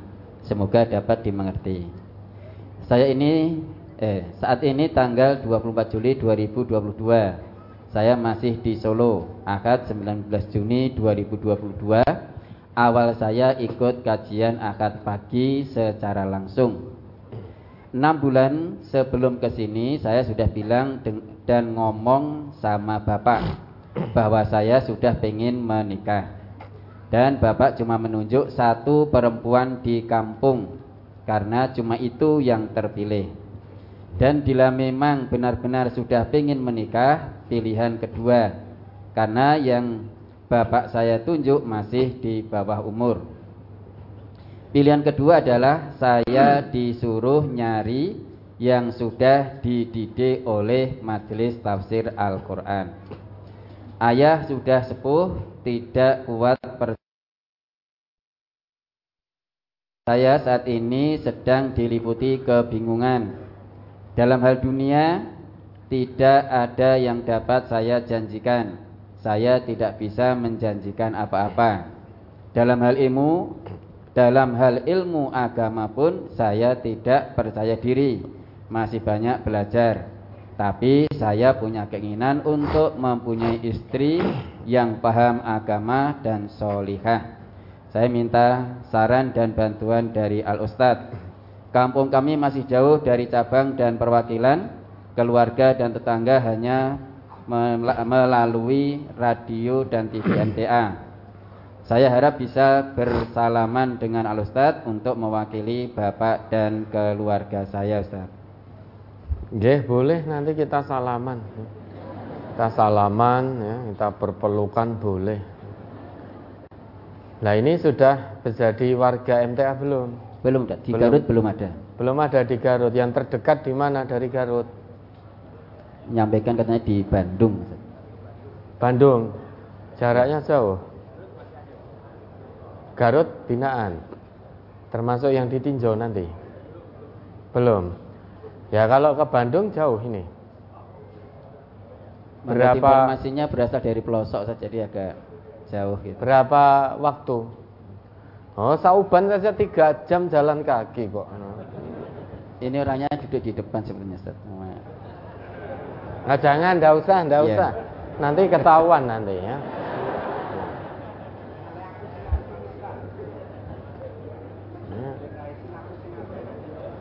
nanti ketahuan ya, ya apa-apa nanti diserahkan ya kita carikan mudah-mudahan ada kecocokan kalau terkait jarak jauh dan tidaknya ini jauhnya berapa? Apakah dua hari dua malam? Yang perso ini loh jarak tempuhnya dari Garut ke Bandung ini loh. Berapa? 90 tiga jam.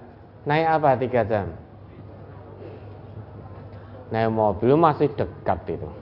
Buktinya Garut, Bandung, Garut, Solo jauh mana? Nah, sampai sini kok. Ya tinggal tinggal giroh kita sejauh mana walladzina jahadu fina lanahdiyannahum subulana. Tiga jam kan naik kendaraan, sauban tiga jam jalan kaki. Jalannya tidak hot mix itu sauban itu. Padang pasir berliku. Jauh dan tidaknya. Kalau yang ada memang Bandung di situ, tempuh kesungguhannya. Untuk mendapatkan kebaikan akhirat, jarak tidak menjadi kendala. Ini tadi ibu-ibu dari dari secang tadi, silaturahim tadi nyepeda motor dengan bapaknya yang diuji oleh Allah gejala setruk buncengan beliau ngajinya empat kali coba gabung ke cabang ini ini ini empat kali sampai sini sepeda motor bapaknya gejala setruk secang ini berapa jam Magelang sini itu berapa jam hampir tiga jam juga Wonosobo sini berapa Pak Puji Empat jam Wonosobo ini. Beliau setiap akad di sini. Di lantai dua terus ini. Beliau dari Wonosobo ini Pak Puji. Setiap akad ada di sini. Empat jam jarak tempuhnya. Berarti kan dekat. Dekat. Pasar Kliwon sini berapa jam? Kayaknya jauh sekali. Ya, Kartosuro sini berapa jam? Mungkin satu bulan jarak tempuhnya Kartosuro sampai sini nih. Kenapa? Karena nggak sampai-sampai. Hari Ahad ya, belum ada juga. Berarti nggak sampai-sampai. Klaten sini itu berapa jam? Sragen sini, Karanganyar sini. Mungkin jarak tempuhnya seminggu mungkin baru sampai nanti. Atau mungkin jarak tempuhnya 3-4 jam juga. Nanti jam 11, setengah 12 baru sampai. Sehingga jarak tempuh Sragen ke sini itu mungkin 4 jam 5 jam. Atau karangannya juga segitu. Lebih dekat Wonosobo, Secang ke sini. Buktinya sampai kok. Kalimantan sini itu ya dekat. Dekat Kalimantan sini itu. Buktinya sudah sampai. Lebih jauh nah, Solo Raya ke majelis ini daripada luar Jawa. Jarak tempuhnya lebih jauh yang Solo Raya, tidak sampai. Ya, jarak bukan menjadi kendala kalau kita inginkan kebaikan.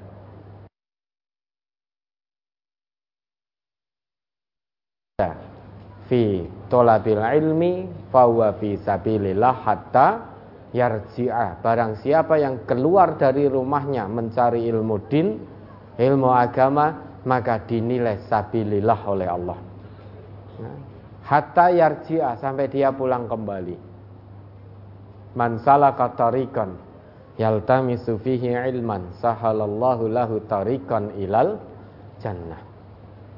Barang siapa yang menempuh jalan untuk mencari ilmu ilmu din maka Allah akan mudahkan jalannya menuju surga karena dengan paham dia akan mengamalkan maka surga itu semakin mudah untuk diraih. Jarak tidak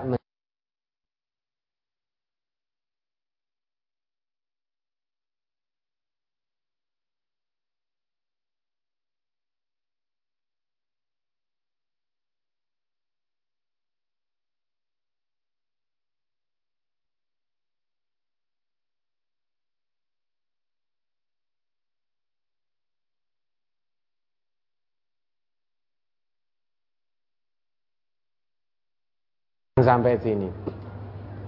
Hati-hati, nggih, hati-hati Bapak tadi. Sana sini sepeda motor jenengan sedang diuji dengan gejala stroke. Itu tidak mudah. Semangat boleh, namun tetap dipikirkan kehati-hatiannya. Ya. Apalagi ibunya tadi sering pernah dari secang goncengkan sampai gemolong karena ingin bertemu putrinya. Putrinya tidak kerasan, katanya dia sampai gemolong. Nanti minta tadi apa namanya minta nasihat baiknya nuruti anaknya atau gimana? Jangan dituruti anaknya. Ya. Dan jangan ditukani, kuatkan tidak. Kalau anak mondok, ini kan di Gemolong juga mondok. Anak mondok orang tuanya hatinya juga harus mondok. Harus kuat. Anak mengeluh, ya katakan iya. Tetapi jangan ya, mena, apa, membela keluhannya. Harus dikuatkan. Anak melaporkan apa pun kondisi di sana karena tidak kerasan pada orang tua. Orang tua jangan nambah-nambahi. Oh ya wis nek ngono wis metu ngono. Jangan begitu. Tapi kuatkan anaknya. Maka pesan saya jangan dibawa pulang, tetap di situ. Biarkan anak beradaptasi dengan lingkungan baru. Insya Allah lingkungan yang baik. Wasbir nafsaka ladina yad'una rabbahum bil ghadati wal ashiyyi yuriduna wajah sabar menempatkan anak kita di lingkungan yang baik. Lingkungan yang baik itu lingkungan yang senantiasa mengingatkan kita kepada Allah. Itu lingkungan baik. Belum tentu panjenengan tega subuh-subuh sebelum subuh jam 3 gugah putri panjenengan untuk kiamulail belum tentu. Namun di asrama itu tega pembinanya untuk gugah demi kebaikan anak. Nah ini anaknya nangis terus susah tidak apa-apa.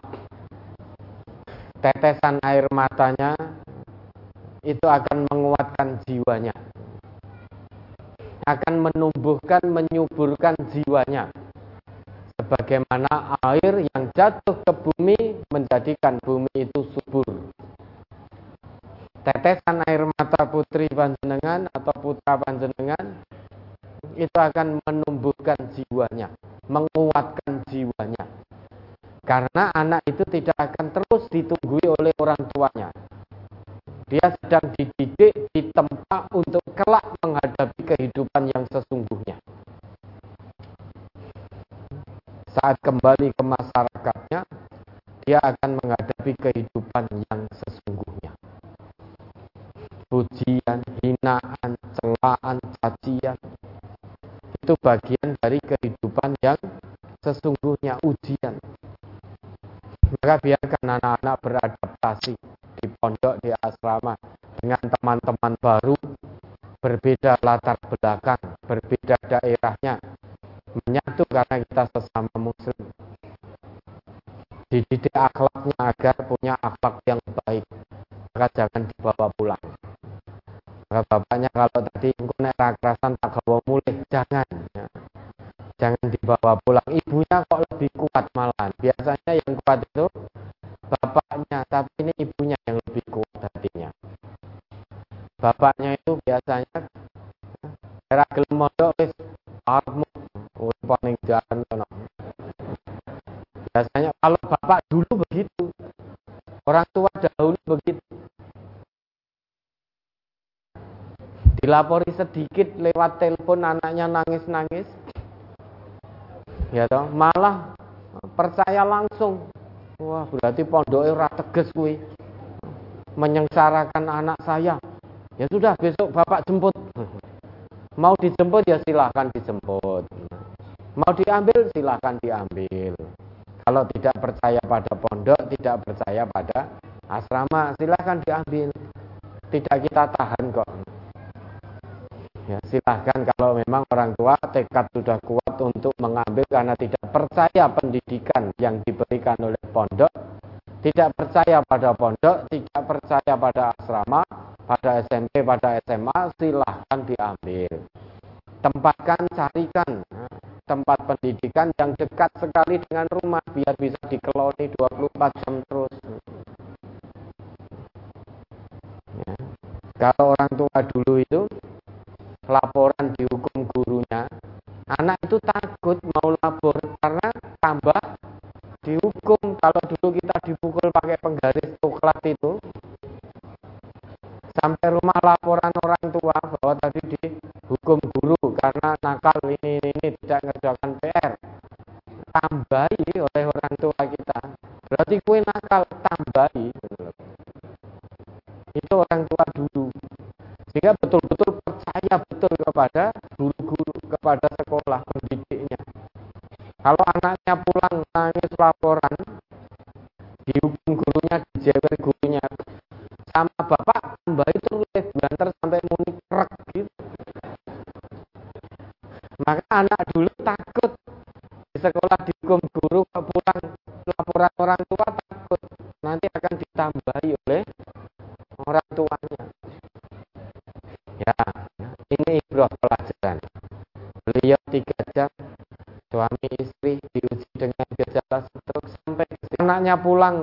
laporan dihukum gurunya dijewer gurunya sama bapak tambah itu luwih banter sampai muni krek gitu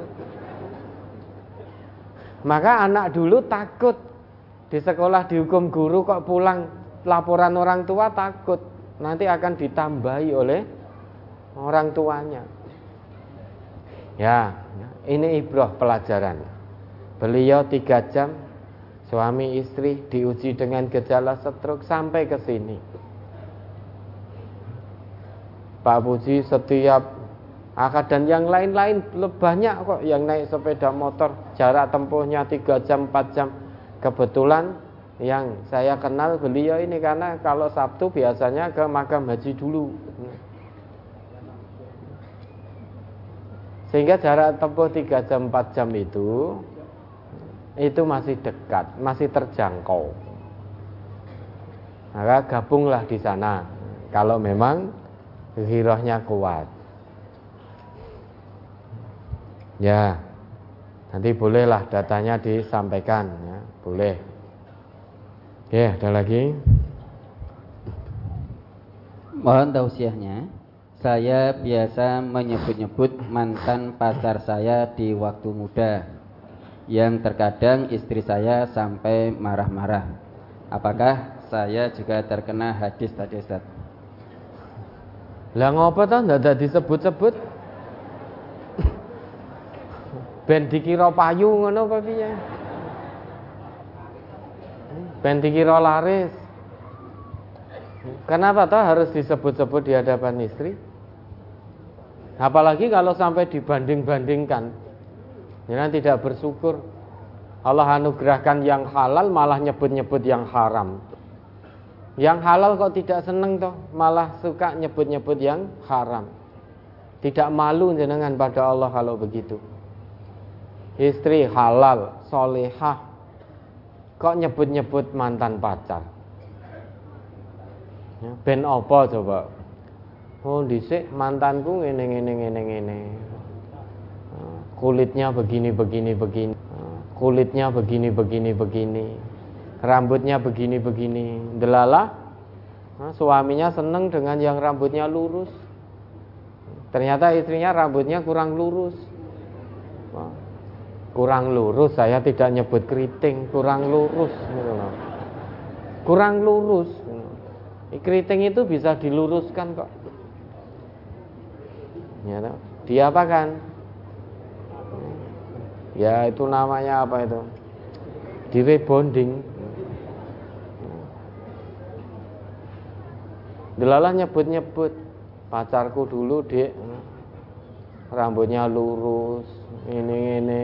Mbok kamu lurus. Lawang memang kurang lurus kok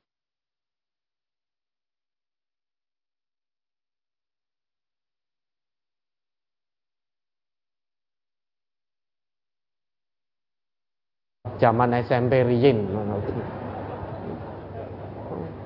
Kula niki nggih, mantan kula zaman SMP niku Mas, itu nggih rebutan wong wedok-wedok murid-murid perempuan sak sekolahan ning milih kula. Karena yang paling cantik saya timbangin jenengan. Wis ngene wis ngene wis ngene wis disawang rasa deblas ngono. Akhirnya cekcok. Sudah hentikan, jangan lagi seperti itu.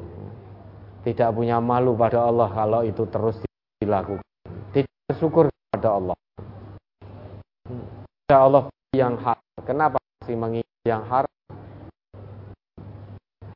Syukuri yang hal. Kuning, kuning. Untuk apa? Disebut-sebut. Depan apa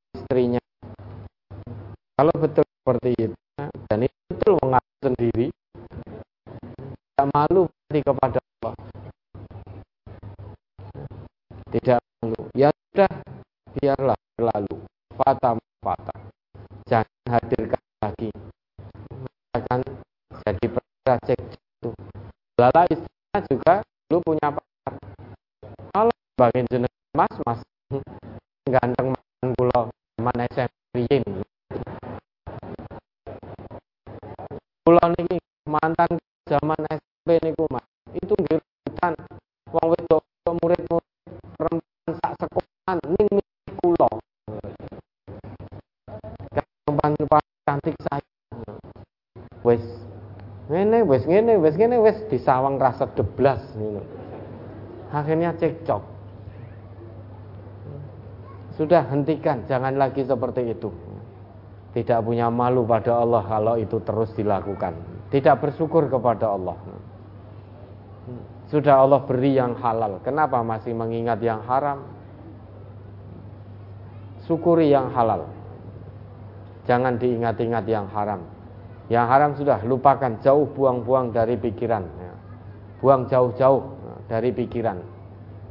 Jangan diingat-ingat. Mungkin nanti kalau jenengan ingat nyebut-nyebut, lama-lama ingat bar kuwi goleki goleki nomere dhisik mantanku iki iki digoleki di media sosial Dulalah ketemu.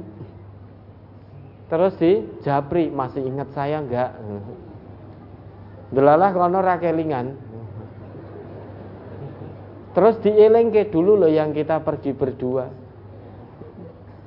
Saat hujan gerimis. Kita berteduh. Koyo manis dunia milik berdua. Yang lain ngontrak rung bayar. Lama-lama ketemu sudah mengingat masa lalu. Delalah ada reoni. Besok reoni kamu pakai baju apa?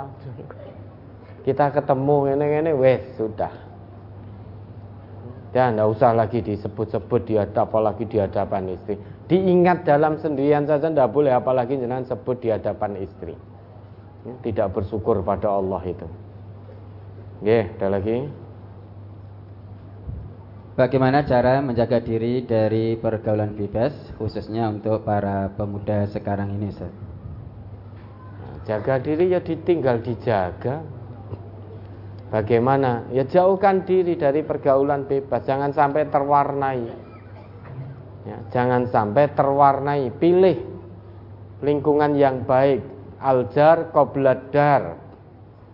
Pesan Nabi begitu. Pilih lingkungan sebelum bertempat tinggal. Hmm, itu berlaku untuk semua. Pilih kalau mau sekolah, pilih sekolahnya itu lingkungannya mengingatkan kita mengingatkan diri kita kepada Allah atau tidak. Kalau sekolahnya, lingkungannya tidak mengingatkan diri pada Allah, ya jangan sekolah di situ. Kalau sekolahnya hanya ubiang-ubiung lanang wedok ke sana kemari, jangan sekolah di situ. Sabar, dengan lingkungan yang baik. Coba Al-Kahfi ayat 28 itu. Pilih kampus, kampus yang baik, mengingatkan diri pada Allah. Tidak harus favorit. Kampus favorit boleh, tetapi bisa enggak dengan menjaga diri di situ. Kalau ternyata isinya kemaksiatan. Dan jenengan bisa enggak kalau sampai tidak terwarnai tapi bisa tidak mewarnai? Kalau belum bisa mewarnai bisa enggak menahan diri agar tidak terwarnai? Sekarang salaman lanang wedo itu hal yang biasa di sekolah-sekolah di kampus-kampus. Dan jenengan bisa enggak menahan diri untuk tidak ikut salaman dengan lawan jenis? Karena masih malu masih ini itu akhirnya ya wes lah salaman tapi niat saya saya ndak ada sahwat kok tetap salaman karena malu nek ora salaman kok dianggap sok suci sok ini sok ini tidak kuat. Akhirnya salaman. Nah kalau sampai itu dilakukan berarti terwarnai. Berarti tidak kuat berada di lingkungan itu. Kalau tidak kuat menjauh jangan dekat-dekat. Maka Ustaz dibaca Surat Al-Kahfi surat ke-18 ayat 28.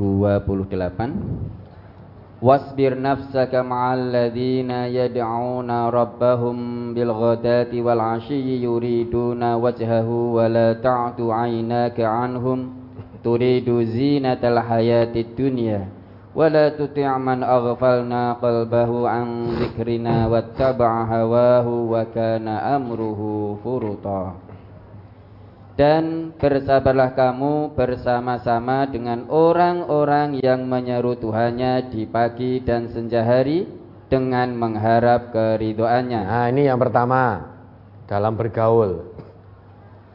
Sabar. Jadi pilih teman yang baik. Pilih lingkungan yang baik. Sabar bersama teman yang baik itu. Sabar berada di lingkungan yang baik itu baik yaitu apa? Yang menyeru Tuhannya baik di waktu pagi maupun petang. Itu ciri teman yang baik menurut Allah. Jadi kalau ada teman entah di sekolah, entah di rumah, entah di kampus, entah di tempat kerja. Kalau dia senantiasa mengingatkan kita tentang Allah, pasti itu teman yang baik. Namun kalau kegiatannya, aktivitasnya justru mengajak kita melupakan Allah, kata Allah itu ciri teman yang tidak baik. Maka untuk bergaul yang pertama pilih tempat dan lingkungan yang baik. Yaitu teman dan lingkungan yang aktivitasnya selalu mengingatkan kita pada Allah, mengingatkan kita selalu merasa diawasi oleh Allah, mengingatkan kita saat kita menyimpang dari aturan Allah dan juga aturan Rasulullah itu teman dan lingkungan yang baik. Maka sabar di situ, jangan tinggalkan teman yang baik. Jangan tinggalkan lingkungan yang baik. Bersabar di situ. Hasilnya akan baik menurut Allah begitu. Terus dan janganlah kedua matamu berpaling dari mereka karena mengharapkan perhiasan kehidupan dunia ini. Nah, ini yang kedua. Jangan tinggalkan teman yang baik, jangan tinggalkan lingkungan yang baik hanya untuk menuruti hawa nafsu dunia. Wah, teman yang baik gak asik, gak seru. Ora tiktokan nih rasa seru. Apalagi sekarang usumnya jogetan di tiktok. Nah itu teman-teman yang senantiasa mau pengaji terus. Orang nek tiktok tiktok belas, ora seru. Wes bosen Memang jalan menuju surga itu kata Nabi kucibatil jannah bil makarih dipenuhi dengan hal-hal yang membosankan. Namun itu jalan keselamatan. Bosan bagi orang yang hatinya tidak khusuk sehingga merasa tidak nikmat. Ngaji itu tidak bisa menikmati. Beda dengan hamba Allah yang hatinya khusuk. Meski duduk di sini berjam-jam tetap merasa nikmat. Karena hatinya khusuk ini kebutuhan kita pada Allah. Ini lingkungan yang baik tempat yang baik bersama dengan orang-orang yang baik. Maka piknik kita di hari Ahad itu ke sini. Ke majelis ilmu. Kita menikmati. Karena ini tempat yang baik. Bersama orang-orang yang baik. Maka jangan kepingin gemerlapnya duniawi, kemudian meninggalkan tempat yang baik, lingkungan yang baik, dan meninggalkan teman-teman yang baik. Pilih teman yang baik. Sabar dan terus dalam kesabaran itu. Sampai kita tinggalkan dunia ini. Ini syarat yang kedua untuk bergaul Kemudian yang ketiga, dan janganlah kamu mengikuti orang yang hatinya telah kami lalaikan dari mengingati kami, serta menuruti hawa nafsunya dan adalah keadaannya itu melewati batas. Nah, yang ketiga tinggalkan umumnya orang. Ya, umumnya orang itu kan orang suka mengikuti hawa nafsu, ubiang-ubiung rono rene rono rene maksiat sana maksiat sini untuk mengejar kesenangan hawa nafsu dunia. Maka wada'il awwama kata Nabi, tinggalkan umumnya orang. Orang umumnya korupsi jangan ikut korupsi. Ya. Orang umumnya pacaran jangan ikut pacaran. Ora popo, ora podoliane. Tidak harus sama. Kenapa harus sama? sama dengan maksiat, nah, tentu kita harus beda. Ishadu bi anna muslimun saksikan aku ini orang Islam meski muda ning saya pemuda muslim. Kalau umumnya orang punya pola pikir masa muda itu masa untuk foya-foya bersenang-senang engko tobaté nek wis tuwa. Mumpung C6. Ayo foya-foya ke sana kemari ke sana kemari Jangan ikuti kalau umumnya pemuda punya pola pikir seperti itu. Maka harus bangga. Saya pemuda muslim. Pemuda muslim yo ngaji, yo sholat jamaah di masjid, mengamalkan hasil kaji. Bangga kita bahagia dikenal oleh penduduk langit. Bahkan sampai dijanjikan oleh Nabi kita termasuk salah satu dari tujuh golongan yang akan dinaungi oleh Allah dengan naungan dari Allah di mana pada hari itu tidak ada naungan selain daripada naungan Allah. Sab'atun yudilluhumullahu fi dillih yauma la dilla illa. Ada tujuh golongan yang akan dinaungi oleh Allah dengan naungannya. Pada hari tidak ada naungan selain daripada naungan Allah. Salah satunya syabun nasya'a fi ibadati rabbih. Pemuda yang tumbuh kembangnya dalam ketundukan dan ketaatan kepada Allah dan juga pemuda yang hatinya tertambat di masjid. Maka bersyukur dan bahagia. Usia muda punya potensi untuk bermaksiat, punya potensi untuk beramal soleh semaksimalnya. Namun pemuda ini memilih untuk beramal soleh. Hatinya tertambat kepada Allah. Maka dia dijanjikan oleh Allah termasuk salah satu yang akan mendapatkan naungan Allah pada hari kiamat nanti. Lagi wis baca tuwa ini dhisik maksiati piye Apa tidak dapat naungan dari Allah? Tobat pada Allah. Ya, dulu masa muda maksiat, masa muda sudah berlalu, sekarang masih diberi amanah kehidupan oleh Allah, tobat pada Allah. Ya, mudah-mudahan Allah mengampuni. Kalau masih ada di usia muda, manfaatkan sebaik-baiknya dalam ketundukan, kepaduan kepada Allah dalam tumbuh kembang panjenengan sehingga akan mendapatkan satu naungan dari naungan Allah nanti di hari kiamat. Maka jangan ikuti umumnya orang. Kalau pemuda-pemudi umumnya berpikir pacaran mumpung ci enom, zina mumpung ci enom, mabuk-mabukan mumpung si enam tinggalkan umumnya orang wada'il awam niscaya akan jadi pemuda yang beruntung mendapat naungan dari Allah kelak. Itu menurut Allah di dalam Quran surat Al-Kahfi ayat 28 aturan pergaulan.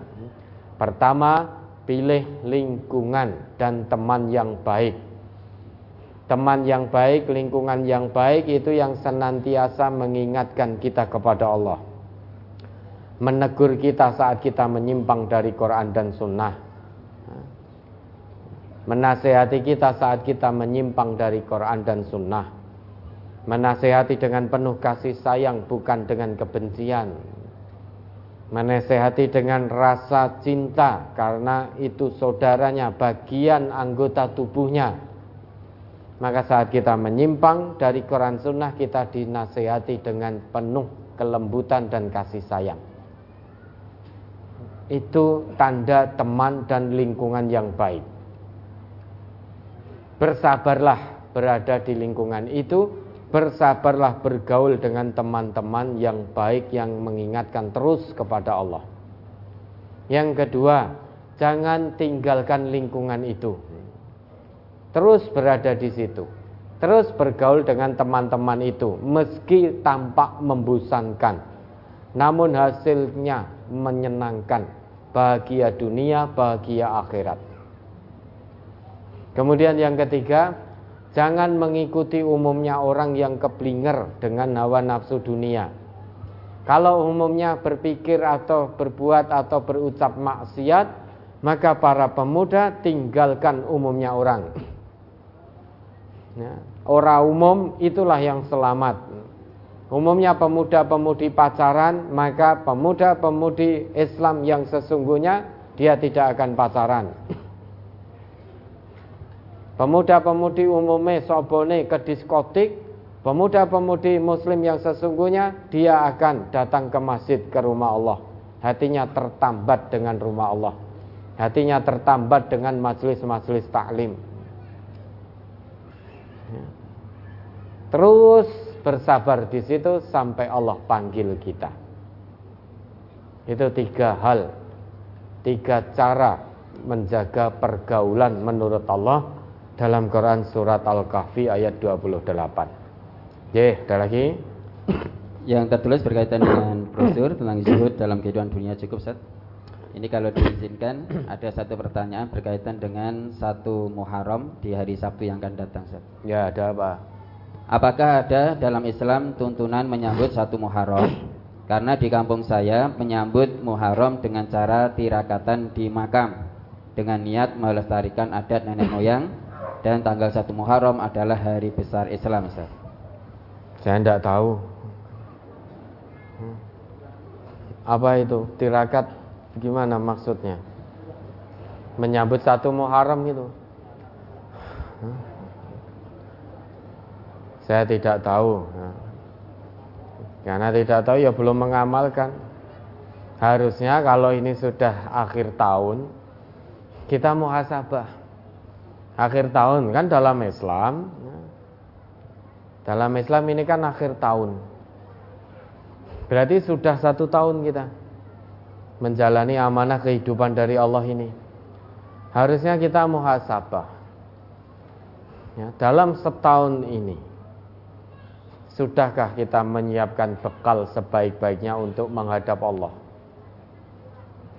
Jangan lantas malam satu Muharram diisi dengan kemaksiatan-kemaksiatan. Dengan diisi mabuk-mabukan, campur sarinan jejogetan ranggenah lawang arep mati kok malah foya-foya mabuk-mabukan keliling-keliling itu mengganggu ketertiban. Habis itu pulang mabuk-mabukan. Cah nom-nom itu loh. Cah tuwane yo enek hmm. harusnya kita bermuhasabah.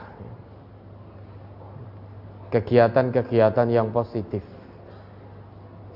Misalkan kalau di situ dikumpulkan kemudian diisi dengan kajian-kajian, diingatkan bahwa umur kita bertambah, berarti kematian kita semakin dekat.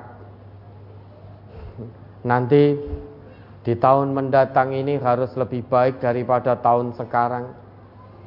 Karena kalau tahun mendatang itu lebih buruk daripada tahun sekarang berarti kita menjadi orang yang terlaknat. Semakin dekat dengan kematian kok malah semakin buruk. Berarti kita jadi orang terlaknat. Kalau tahun besok itu sama dengan tahun ini berarti kita jadi orang yang rugi. Semakin dekat dengan kematian kok ibadah kita mengono wae orang muda-muda Semakin dekat dengan kematian kok tidak meningkat Semakin dekat dengan kematian kok ya tetap sholatnya bolong-bolong. Rugi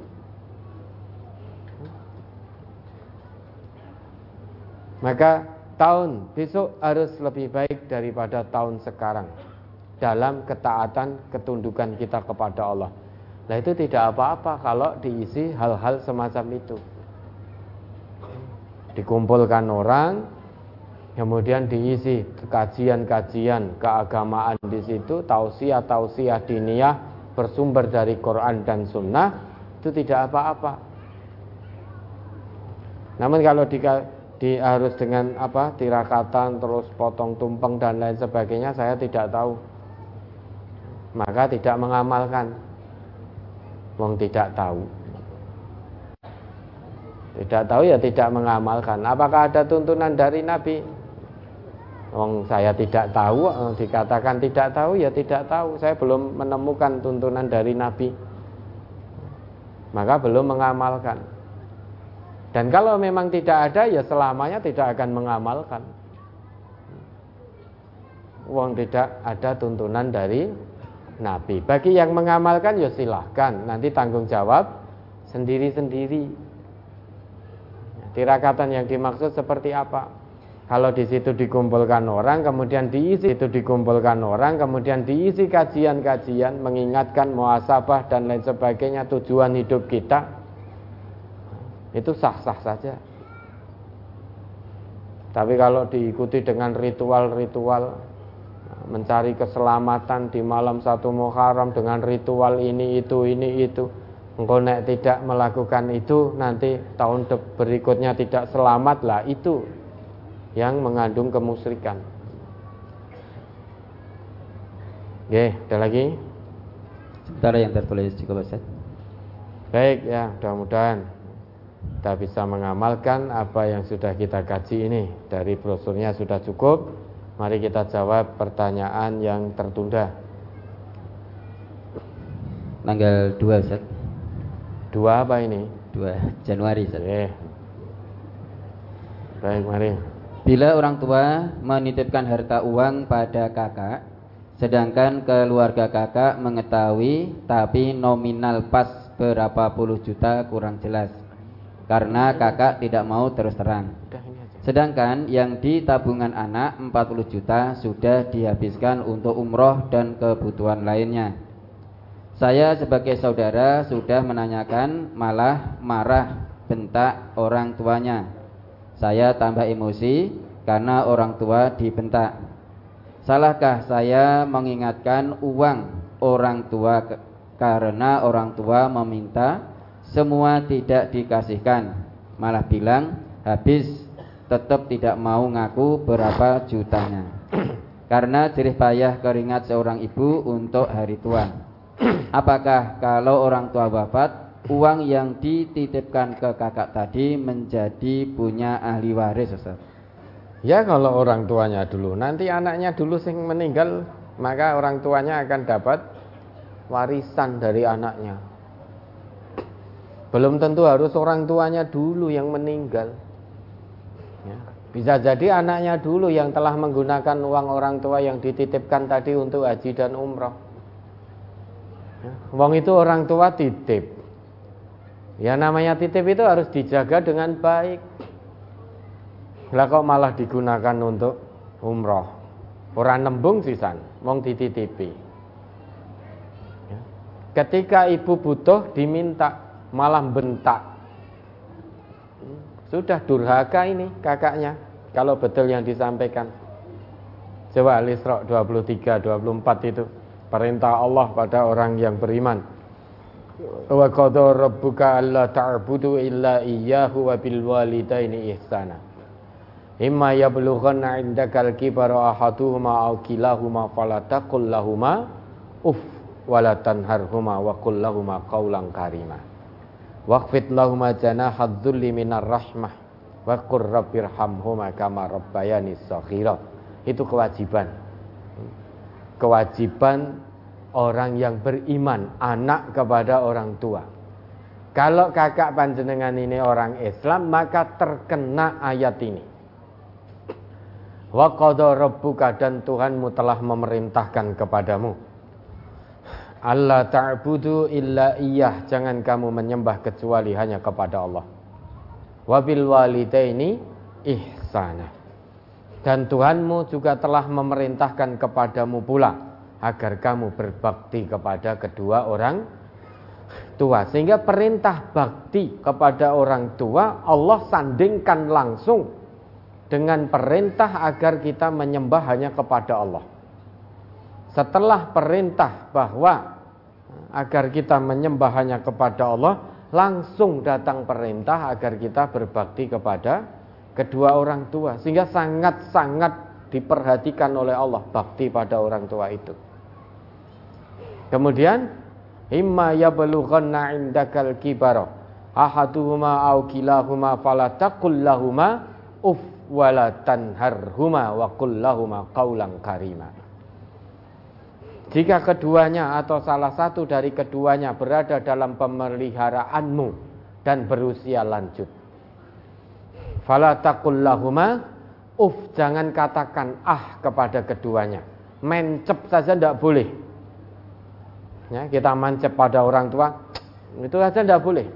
Atau ah, walah bapak Walah ibu ngakon ngaji terus. Selama perintah orang tua baik, tidak menyimpang dari Quran dan dari sunnah, kewajiban kita sami'na wa ta'na.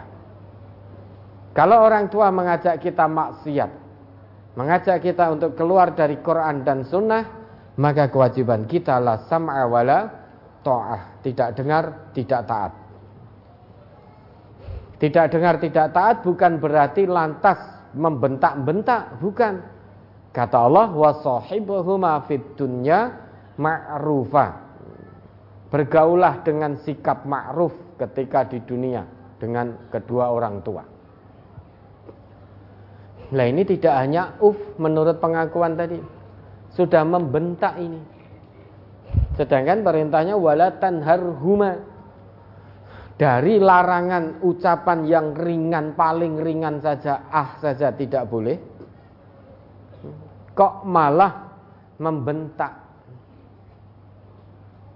Dari yang ringan sampai yang berat Allah sebutkan di situ Maka tidak boleh dilakukan Bong ibu meminta uang titipannya karena sudah habis kok bentak-bentak anaknya. Anak bentak ibunya, durhaka sudah. Kalau tidak tobat minta maaf pada ibunya, durhaka ini anak.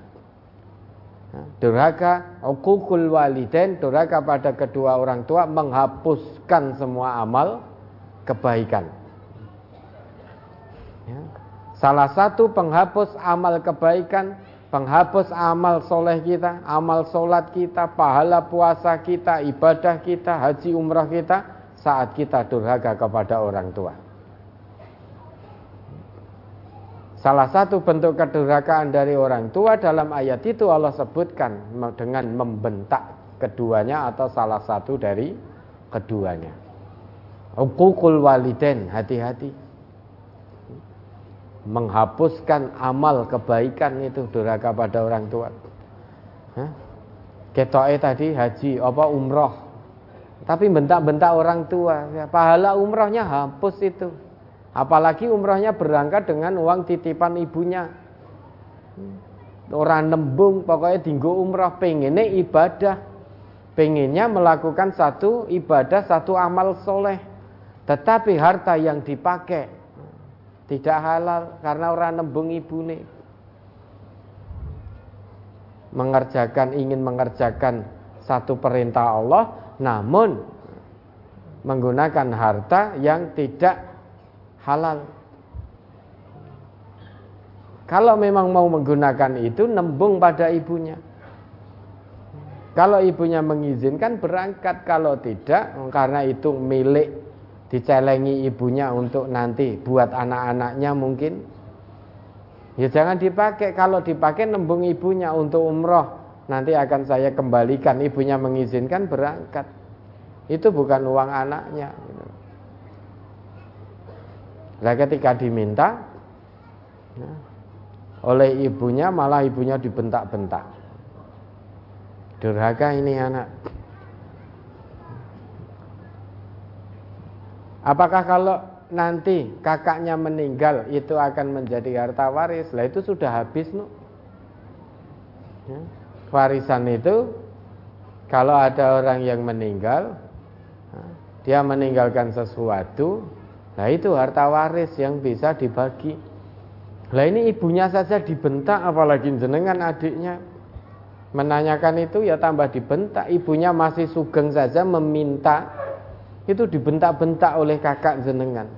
Apalagi kalau sampai ibu kodarullah dipanggil oleh Allah duluan, jenengan tanya, yang ada padu itu nanti. Masih ditunggu ibu saja, jenengan menanyakan, ibunya ibunya menanyakan dibentak-bentak oleh kakak. Nah, belum tentu ibu yang meninggal duluan. Bisa jadi kakaknya yang meninggal duluan sehingga ibu menjadi ahli waris dari harta yang ditinggalkan oleh kakak jenengan karena kakaknya itu sebagai anak dari ibu tadi. Lah jadi warisan atau tidak lah ini tergantung ibunya. Kalau memang ibu itu itu anaknya utang, ya, utang nanti harus nyaur meski pada orang tuanya. Ya, kalau utang sampai sebelum disaur ya itu masih hutang. Nah, nanti kalau dia meninggal ya nyaur utang ya sudah. Untuk didum kepada adik-adiknya. Nah saat ini kondisi sudah habis. Maka boleh saja saudara mengingatkan, boleh sah-sah saja. Namun ya siap-siap dibentak, wong ibunya yang mengingatkan saja juga dibentak-bentak tidak peduli lagi kedurhakaan. Sing penting dapat uang 40 juta, meski saya harus durhaka pada ibu tidak masalah. Sehingga ibu menanyakan malah digetak-getak.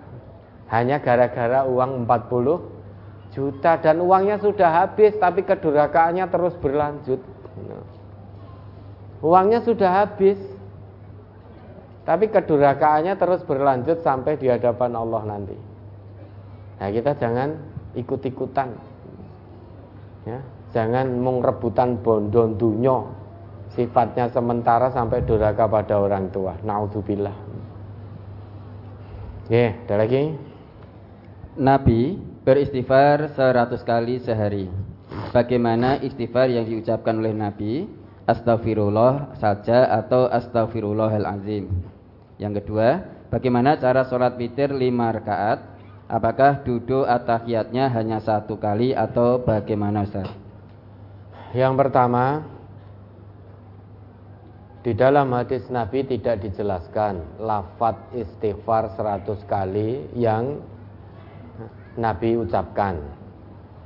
Namun yang jelas di dalam hadis riwayat Muslim Nabi kita bersabda, "Ya ayuhan nas segenap manusia, tubu ilallah." Bertobatlah kepada Allah. Fa inni atubu fil yaumi ilaihi mi'ata marrah. Karena sesungguhnya aku yaitu Nabi jelas maksum dari dosa, tidak punya dosa, surganya berada di puncak kenikmatan. Tapi Nabi mengaku sesungguhnya aku fil atubu fil yaumi ilaihi mi'ata. Bertobat kepada Allah dalam sehari seratus kali. Di dalam hadis lain juga disebutkan Hadis dari Abu Burdah Al-Agharri Al-Muzani, seorang sahabat. An Abi Burdata Al-Agharri Al-Muzani wa kanat lahu suhbah. Anna Rasulullah sallallahu alaihi wasallam qol bahwasanya Nabi kita bersabda Innahu la yughanu ala qalbi. Sesungguhnya hatiku menjadi tenang yaitu hati Nabi. Nabi ini utusan Allah Sesungguhnya hatiku menjadi tenang. Innahu la yughanu ala qalbi. Wa inni la astaghfirullah fil yaumi mi'ata marrah. Dan aku beristighfar kepada Allah dalam sehari seratus kali. Istighfar itu berarti zikrullah kita mengingat Allah, mohon ampun pada Allah, maka hati menjadi tenang ala bidzikrillah tatmainnul Kulub ini Nabi, ini Rasulullah masuk surga tanpa hisab, berada di puncak kenikmatan surgawi, tidak punya celah, tidak ada dosa, maksum dijaga oleh Allah. Beliau saja masih mohon ampun pada Allah sehari seratus kali. Lah kita Nabi bukan, Rasul bukan, dosa masih setiap hari dilakukan, amal soleh masih berantakan, hisab menegangkan surganya sudah belum tentu jelas, neraka sudah jelas, zikir untuk habis sholat wajib saja nggak sempat. Istighfar untuk sholat wajib saja tidak sempat, cepet-cepetan. Pinginnya masuk surga, surga Firdaus bersama para nabi, bersama para rasul. Nah, kita ini orang yang tidak tahu diri, Nah maka lafat istighfar di situ tidak disebutkan. Maka boleh. Kita mau istighfar 100 kali dalam sehari astagfirullah atau astagfirullahaladzim alladzi la ilaha illa huwal hayyul qayyum wa atubu ilaik. Atau dengan sayyidul istighfar 100 kali juga boleh. Allahumma anta rabbi La ilaha illa anta khalaqtani wa ana abduka wa ana ala ahdika wa wa'dika mastata'tu. Dan seterusnya itu sayyidul istighfar. Boleh 100 kali. Ya. Tidak dijelaskan terperinci harus astagfirullah atau astagfirullahaladzim atau sayyidul istighfar. Yang penting 100 kali boleh dengan astagfirullah. Astagfirullahaladzim, alladzi la ilaha illa huwal hayyul qayyum wa ilaih atau sayyidul istighfar. Lafat-lafat istighfar yang dijelaskan dalam hadis-hadis Nabi yang sahih. Maka boleh silahkan. Kemudian kalau kita witir lima rakaat, Duduk tahiyatnya berapa kali? Satu kali di rekaat terakhir. Di rekaat terakhir. An Aisyah qalat dari Aisyah ya berkata, Karena Rasulullah sallallahu alaihi wasallam yusalli minal laili salasa asyrata rakaatan. Dulu Rasul, Rasulullah pernah sholat malam itu 13 rakaat. Yutiru min dzalika bi khamsin dari 13 rakaat itu Rasulullah witir 5 rakaat. La yajlisu fi syai'in illa fi akhiriha.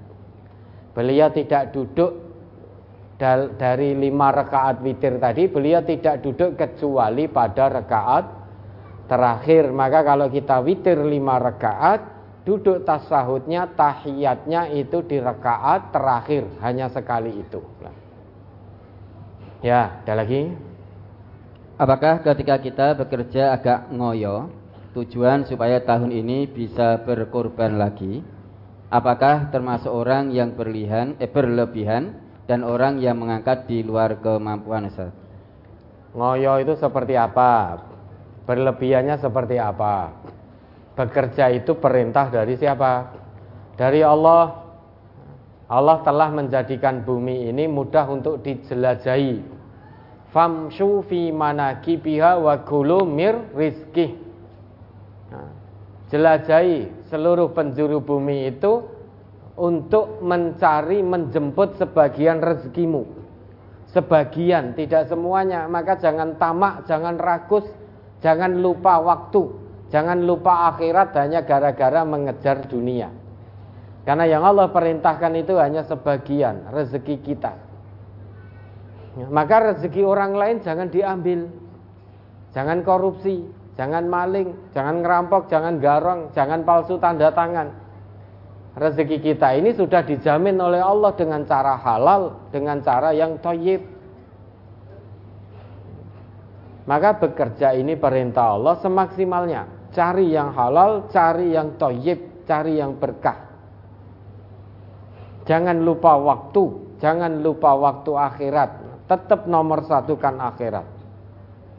Dalam bekerja kita pun harus ada nilai ibadah. Karena kita diciptakan oleh Allah. Wa ma khalaqtul jinna wal insa illa. Budun tujuannya hanya untuk ibadah.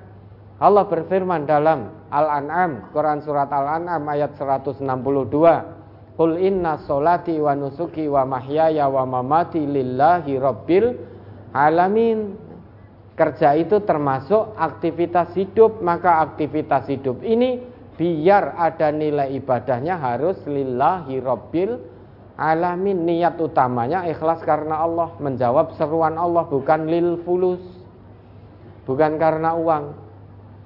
Kalau hanya karena uang, maka jenengan dapat uang tidak sesuai keinginan, maka akan gresulo, ngeluh, menyesal sambat ngaluwara seolah-olah Allah tidak berbuat baik. Itu kalau kerja tujuan utamanya uang. Tapi kalau kerja tujuan utamanya ikhlas karena Allah, karena menjawab perintah Allah, melaksanakan perintah Allah, sekalipun nominal uang yang Allah titipkan tidak sesuai keinginan kita, hati tetap tenang. Tetap bersyukur, tetap kona'ah itu bedanya kerja yang ikhlas karena Allah, niatnya karena Allah dan juga kerja karena lil fulus karena uang. Orang kafir kerja tidak. Kerja tapi mereka bukan karena Allah. Orang kafir itu kerja lil fulus sudah. Karena uang. Maka kalau dia akan merasa kurang-kurang dan kurang. Maka oh, apa namanya rezeki orang lain juga akan dia ambil Cara licik, cara curang, cara keji, cara culas akan dilakukan. Sing penting dapat uang. Nah kita orang yang beriman kalau kerja hanya lil fulus bedanya apa dengan orang yang tidak beriman sama-sama kerja maka kalau kita terus merasa kurang jangan-jangan kita dalam bekerja bukan karena Allah karena mengejar uang lah ngoyo dan tidaknya itu tergantung panjenengan yang jelas inna libadanika alaika haqqan badan kita ini punya hak untuk kita istirahatkan. Nah kalau jenengan kerja dari pagi sampai pagi lagi, besok juga begitu pagi sampai pagi lagi, sehingga badan tidak jenengan istirahatkan, maka itu ngoyo. Itu ngoyo, lama-lama ngadat nanti badannya. Ya seperti sepeda motor mobil itu kalau digunakan terus atau mesin lah gunakan terus tidak ada istirahatnya lama-lama rusak. Lah ngoyo dan tidaknya itu yang person senengan. Tapi yang jelas kerja ini perintah dari Allah semaksimalnya. Yang namanya semaksimalnya itu ya jangan sampai keluar dari tujuan akhirat. Jangan sampai keluar dari nilai-nilai ibadah itu semaksimalnya. Dan tetap kedepankan kepentingan akhirat. Kalau kita mengedepankan kepentingan akhirat Allah tidak akan lupakan bagian dunia kita. Dalam arti kalau kita menomor satukan Allah maka dunia akan dibuat oleh Allah mengejar kita. Namun jika kita menomor sekiankan akhirat menomor satukan dunia maka akhirat pun akan lari menjauh meninggalkan kita. Itu bedanya. Ya, janji Allah, orang yang mengedepankan kebahagiaan akhirat, Allah tidak akan lupakan bagian dunianya. Artinya bagian dunianya akan dicukupi oleh Allah dengan syarat dia nomor satukan akhiratnya. Namun jika fokus utamanya dunia, akhiratnya hanya nek eling tak maka dia akan ditinggalkan oleh akhiratnya. Dunianya memang akan dapat tapi hanya sebagian. Akhiratnya lari daripadanya. Itu janji Allah tinggal kita yakini tawaran Allah ini mau kita ambil atau tidak. Ya ada lagi? Saya menginginkan iman yang sodik Lalu amalan rutin apa yang harus saya lakukan per harinya, per minggunya, per bulannya dan per tahun per tahunnya. Sedang saya masih beraktivitas sibuk cari nafkah Ustaz.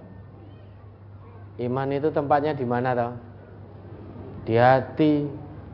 Kafir tempatnya di mana? Di hati juga. Sehingga iman itu tempatnya di hati, tidak bisa ditentukan dengan amalan per hari, per jam, per menit, per minggu, per bulan, per tahun itu tidak bisa. Coba diingat itu Al-Hujurat ayat 7. Surat Al-Hujurat surat ke-49 ayat 7. Wa'lamu anna fikum Rasulullah law yuti'ukum fi katsirin minal amri la'anittum walakinallaha habbaba ilaikumul imana wa zayyanahu fi qulubikum wa zayyanahu fi qulubikum wa karraha ilaikumul kufra wal fusuqa wal isyan. Ulaika humur rasyidun.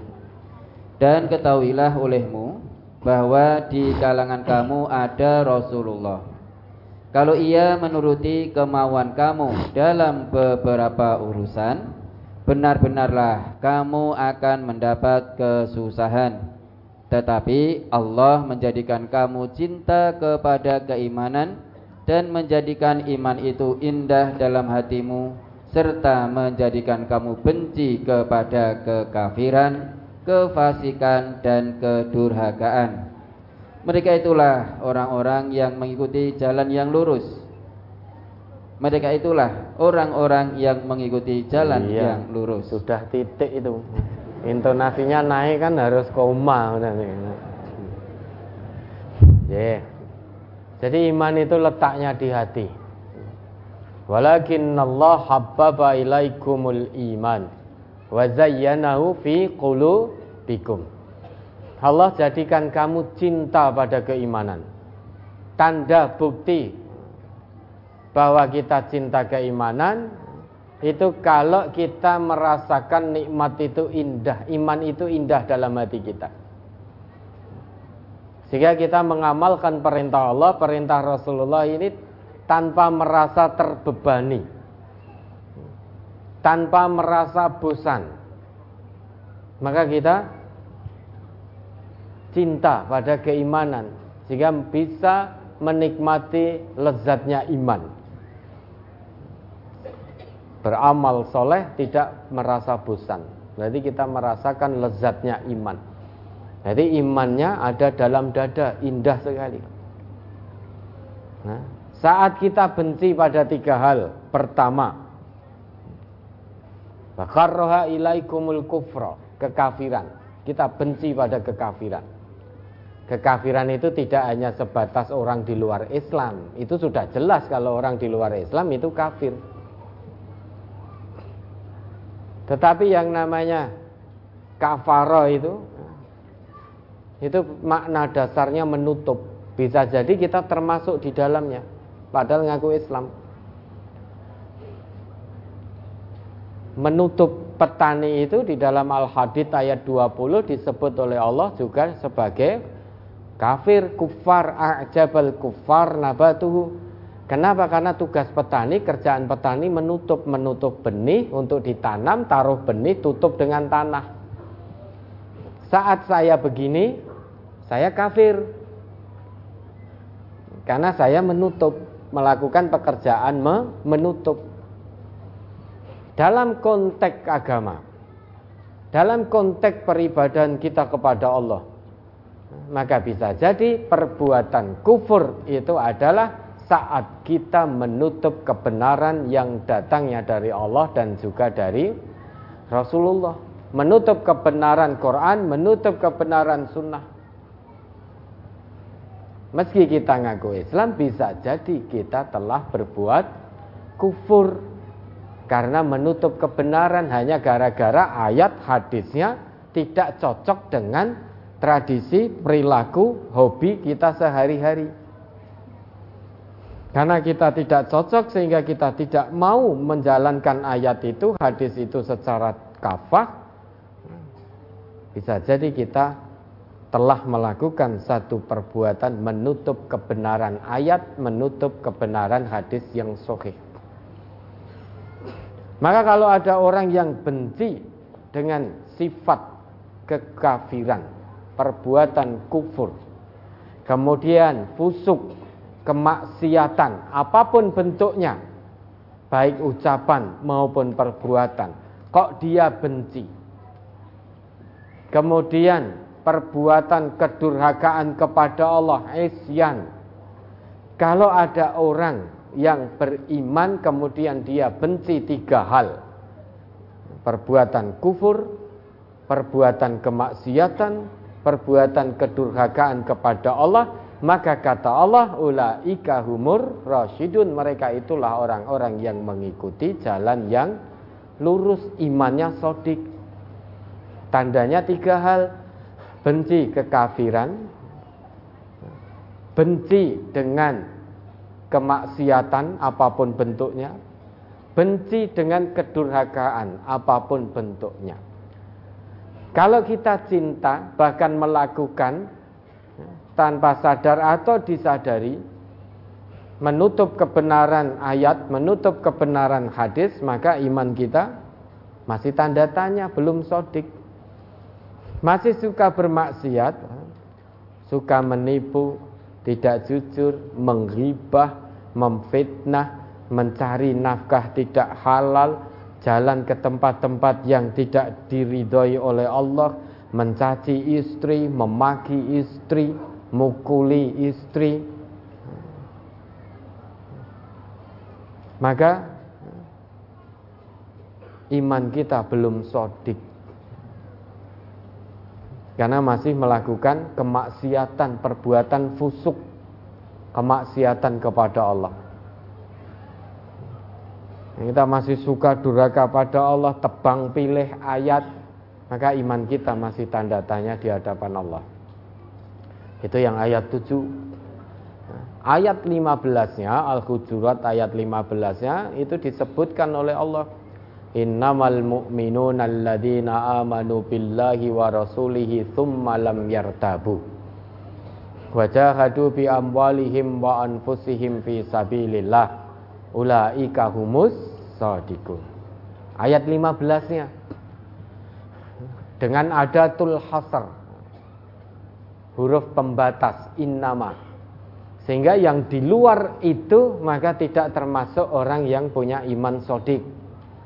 Karena ada huruf pembatas, maka mau tidak mau kalau menginginkan iman yang sodik harus memenuhi persyaratan yang Allah sebutkan di ayat itu. Kalau keluar dari ayat itu, karena ini innama adatul hasar huruf pembatas, maka tidak dihitung oleh Allah. Siapa itu? Innamal mu'minun. Siapa orang yang benar-benar beriman di hadapan Allah? Alladzina amanu billahi wa rasulihi thumma lam yartabu. Yaitu orang yang senantiasa beriman kepada Allah dan Rasulullah. Taat pada Allah, taat pada Rasul. Summa lam yartabu. Tidak meragukan sedikit pun apa yang datangnya dari Allah apa yang datangnya dari Rasul. Tidak pernah meragukan sedikit pun janji Allah, janji Rasul. Tidak pernah sedikit pun untuk meragukan apa pun yang disebutkan oleh Allah di dalam Al-Quran maupun yang disebutkan oleh Rasulullah di dalam hadis-hadis yang sahih.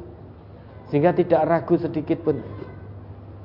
Kemudian Bukti keimanannya kepada Allah dan Rasul yang tanpa ragu itulah dibuktikan dengan mujahadah kesungguhan. Wajahadu bi amwalihim wa anfusihim fi lillah. Kesungguhan berjuang di jalan Allah dengan apa? Dengan harta dan jiwa. Dua hal ini yang pada dasarnya sangat-sangat dicintai manusia nyawa dan harta. Maka kalau ada orang yang ngaku beriman, kok kemudian sanggup mujahadah bil amwal wal anfus di jalan Allah, mengorbankan amwal dan anfusnya untuk menolong agama Allah, kata Allah ulaika humus sodikun. Itulah orang-orang yang imannya sodik. Kenapa hanya amwal dan anfus yang Allah sebutkan? Karena dua hal inilah yang Allah, yang manusia sangat mencintainya. Ibadah kepada Allah ini ada yang kaitannya dengan materi, ada yang kaitannya non materi. Banyak orang saat beribadah non materi, mendirikan sholat, banyak orang semangat karena sholat tidak dibungut biaya. Tapi saat mau melakukan ibadah infak, zakat, sedekah, tiba-tiba orang yang sholat rajin tadi, karena infak, zakat, sedekah ada ibadah kaitannya dengan materi, tiba-tiba menjadi bakhil. Ada, ada tidak yang seperti itu? Ada. Makanya amwal sesuatu yang sangat dicintai oleh manusia. Diberi pilihan oleh Allah, pilih Allah atau pilih hartamu. Nah kalau kita bisa ikhlas lillahi ta'ala menginfakkan sebagian harta kita di jalan Allah, mendermakan pemikiran kita, waktu kita, mengorbankan tenaga kita, hatta kalau sampai jiwa kita diminta oleh Allah pun demi tegaknya kalimat Allah di atas muka bumi ini. Demi tegaknya agama Allah, maka orang yang imannya sodik tidak akan mundur satu langkah pun. Tidak ada orang diseru, orang mujahadah di jalan Allah. Apabila seandainya diseru berperang mempertahankan akidah, mempertahankan agama Allah, kok tiba-tiba wah saya izin saja. Lah kenapa? Anakku cilik-cilik Nggak ada orang yang beriman sodik diseru untuk berjuang di jalan Allah kok mengajukan izin itu nggak ada. Hanya gara-gara anaknya masih kecil-kecil. Dan alhamdulillah kita dianugerahi oleh Allah negeri yang aman. Ya, sehingga kita ngaji, tadabbur Quran bisa nyaman, bisa tenang. Alhamdulillah.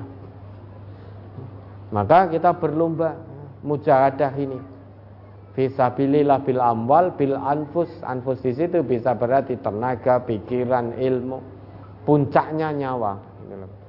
Jadi bersungguh-sungguh di atas jalan Allah ini, hidup di atas petunjuk Allah dan tuntunan Rasulullah ini hingga mati. Itulah orang yang imannya sodik sehingga tidak bisa ditentukan dihitung dengan amalan per hari, per bulan, per minggu, per tahunnya tidak bisa. Karena iman itu ada di hati. Kalau kita benci pada kekafiran, benci pada perbuatan kufur, benci pada kemaksiatan dan kedurhakaan kepada Allah, serta kita iman betul pada Allah dan Rasul tanpa ragu, kemudian dibuktikan dengan mujahadah bil amwal wal anfus fisabilillah insya Allah akan mendapatkan iman yang sodik di hadapan Allah. Ya ada lagi? Tentang sholat apakah rakaat ketiga dan keempat lebih diutamakan untuk tidak membaca surat pendek? Yang kedua ada seorang wanita muslim yang harus bekerja untuk mencari nafkah keluarganya yang di mana dia harus memakai celana. Apakah harta dari gaji tersebut masih halal karena dalam pekerjaan dia tidak memakai pakaian syar'i? Yang ketiga, bagaimana cara menghapus dosa-dosa seorang anak kepada orang tuanya? Karena dulu karena dulu sampai sekarang kadang masih membuat orang tua marah. Yang pertama, tidak membaca surat pada rekaat ketiga dan keempat itu tidak lebih utama daripada yang membaca surat. Jadi boleh mau baca surat rekaat ketiga keempat juga boleh. Yang tidak membaca mencukupkan Fatihah juga boleh. Yang tidak membaca tidak lebih utama daripada yang membaca. Kemudian yang kedua, seorang wanita kerja pakai celana, yuk kerja pakai celana no.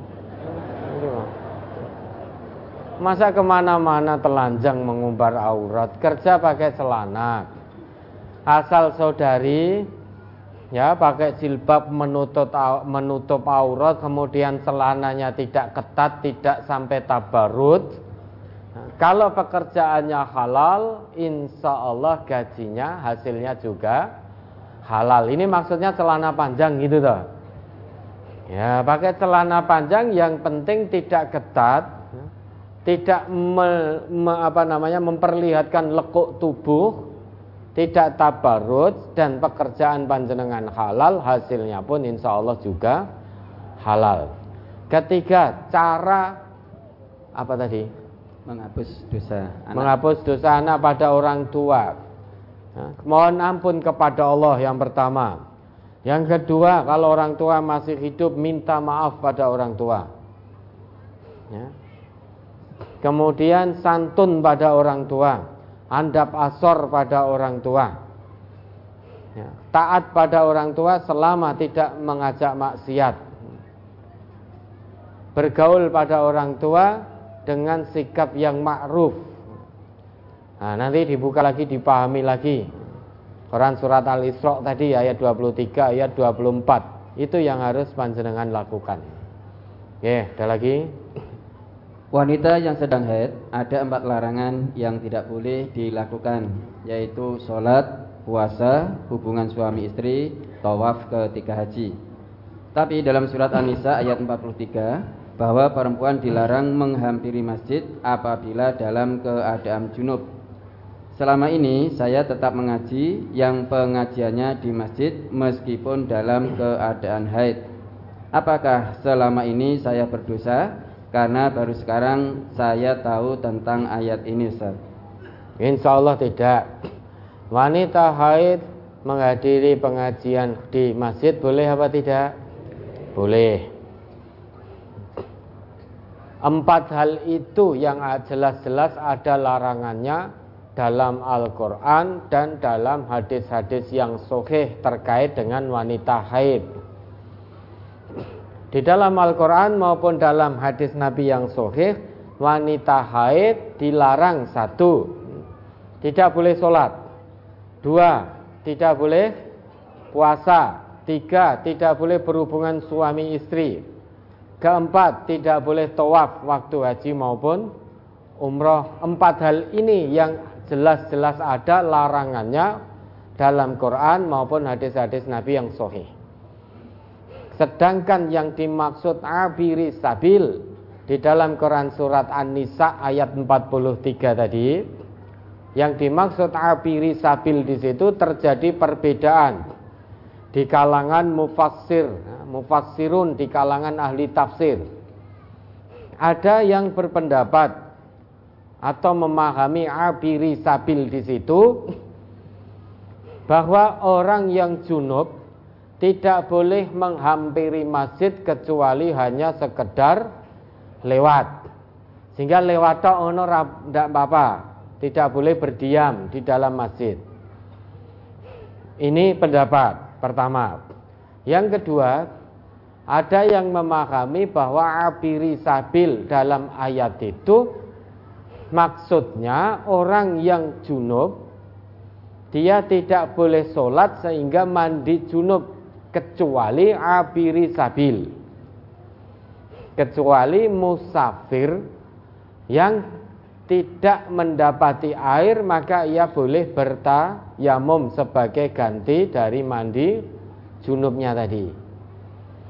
Terjadi perbedaan di kalangan ahli tafsir.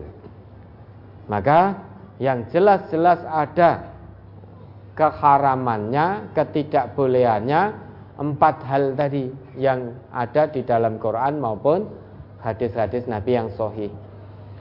Sehingga wanita haid datang menghadiri pengajian di masjid, insya Allah tidak berdosa. Insya Allah tidak berdosa yang tidak boleh dilakukan wanita haid ya empat hal tadi karena itu jelas ada larangannya dalam Quran dalam hadis yang sahih. Baik, ada lagi. Perempuan hamil sebelum nikah, kalau yang menikahi perempuan tersebut orang yang menghamilinya, apakah sah pernikahannya? Kalau yang menikahi perempuan tersebut bukan yang menghamilinya, apakah sah pernikahannya juga?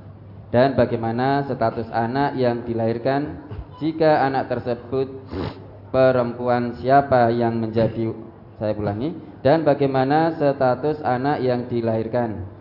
Jika anak tersebut perempuan siapa yang menjadi walinya kalau anak tersebut nanti mau menikah Ustaz?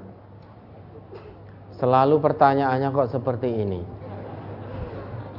Ada anak-anak yang berzina Kok tidak pernah mempertanyakan bagaimana Ustadz menurut Islam kalau ada pemuda-pemudi yang belum pernah menikah berzina?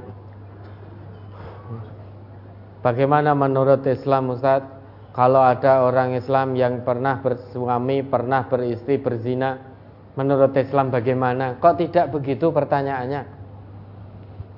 Karena menurut Islam orang yang belum pernah menikah berzina apa hukumannya?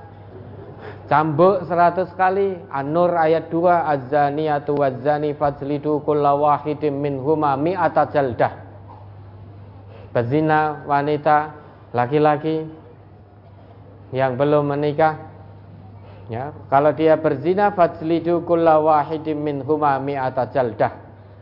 Hukum cambuk dera mereka seratus kali dera. Wala ta'khudkum bihima ra'fah fi dinillah in kuntum tu'minuna billah wal yaumil akhir.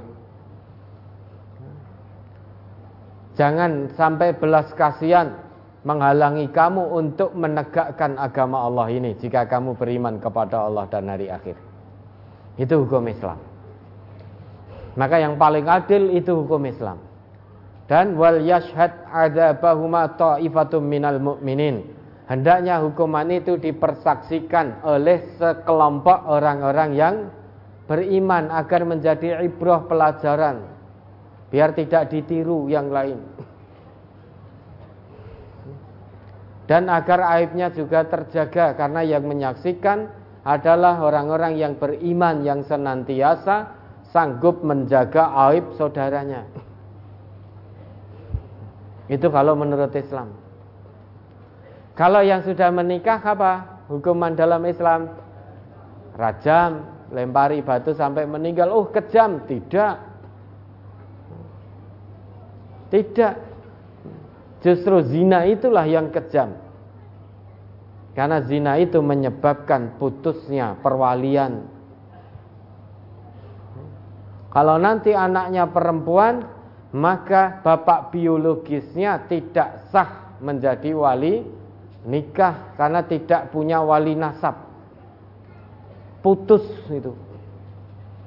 Karena Nabi kita bersabda al waladu lil firosh walil akhiri al hajaru. Anak itu haknya pemilik kasur yang sah dalam arti haknya suami yang sah menurut agama. Tetapi bagi seorang pezina al-hajar ditinggalkan, dia tidak punya hak apa pun terhadap anak itu. Maka kalau anak lahir perempuan, bapak biologisnya haram menjadi wali nikah. Kalau mau nikah dia harus wali hakim. Karena anak yang lahir dari hubungan ngawur orang tuanya, dia tidak punya bapak. Kejam toh? Kejam. Kalau ada yang mengatakan hukum Islam itu kejam, masa mung selingkuh? Masa mung selingkuh kok mung? Masa dirajam sampai meninggal? Orang yang mengatakan itu itulah orang yang kejam. Karena Islam ini menjaga betul menjaga betul muamalah baik sesama manusia ataupun muamalah menjaga nasab.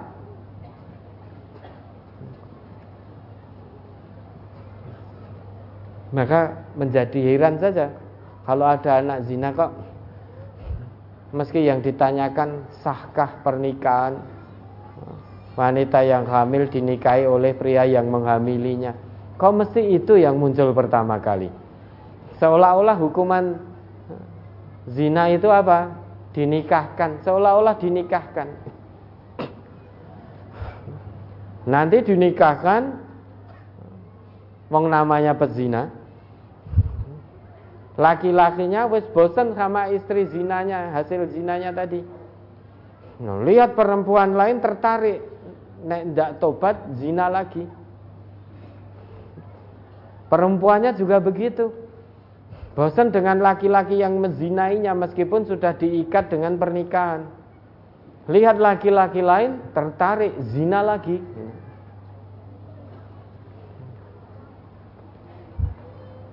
Hukuman itu bukan dinikahkan kalau dalam Islam. Tapi karena negeri kita tidak berlaku hukum Islam, maka ada ulama yang mengatakan kalau perempuan hamil hasil zina yang menikahi yang menzinainya, maka sah pernikahannya. Ini menurut mayoritas ulama. Maka kalau itu yang menikahi laki-laki yang menzinainya, yang menghamilinya, maka itu sah pernikahannya. Kalau yang menikahi laki-laki yang bukan menghamilinya, laki-laki yang tidak menghamilinya, maka pernikahannya tidak sah. Kalau yang menikahi tadi laki-laki yang menghamili, pernikahannya sah. Kalau yang menikahinya tadi laki-laki bukan yang menghamilinya, maka pernikahannya tidak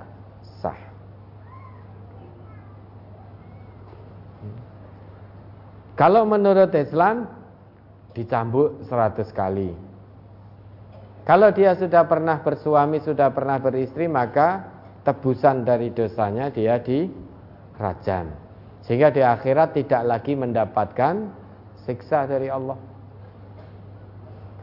Namun Indonesia ini tidak menganut hukum Islam, maka kalau itu tidak ada yang tahu, tobat-tobatan nasuha.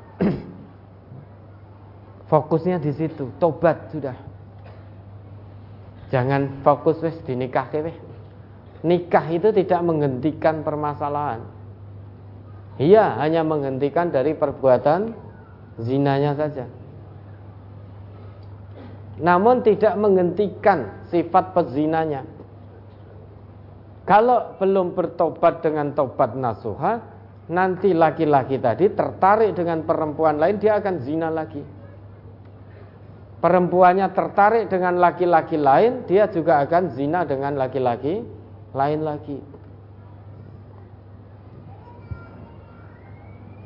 Maka fokusnya bagaimana anak itu kalau itu apalagi anak-anak kita kok muncul pertanyaan di sini jangan-jangan anak-anak kita itu. Anak-anaknya warga MTA, naudzubillah. Maka fokusnya bagaimana anak-anak kita ini bertobat. Nikah tidak menyelesaikan masalah kalau anak kita tidak bertobat. Tubuh ilallah taubatan nasuha. Tobat dengan tobat nasuha. Kalau Indonesia menganut hukum Islam, maka dicambuk itu anak-anak kita itu.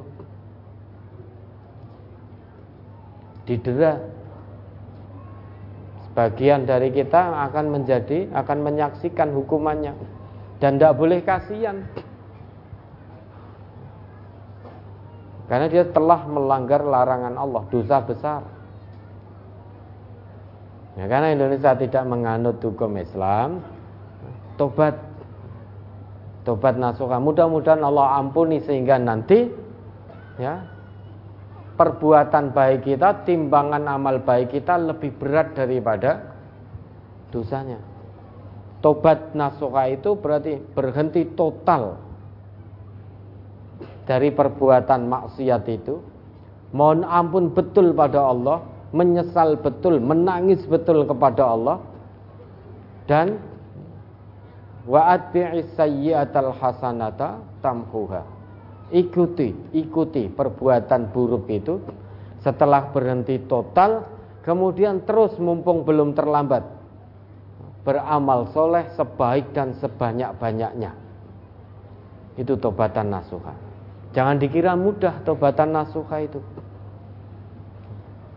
Hanya bisa dilakukan oleh hamba yang hatinya memang khusuk betul-betul menangis menyesal terhadap dosa-dosanya takut betul pada Allah dan punya keinginan kuat betul untuk tobat kepada Allah.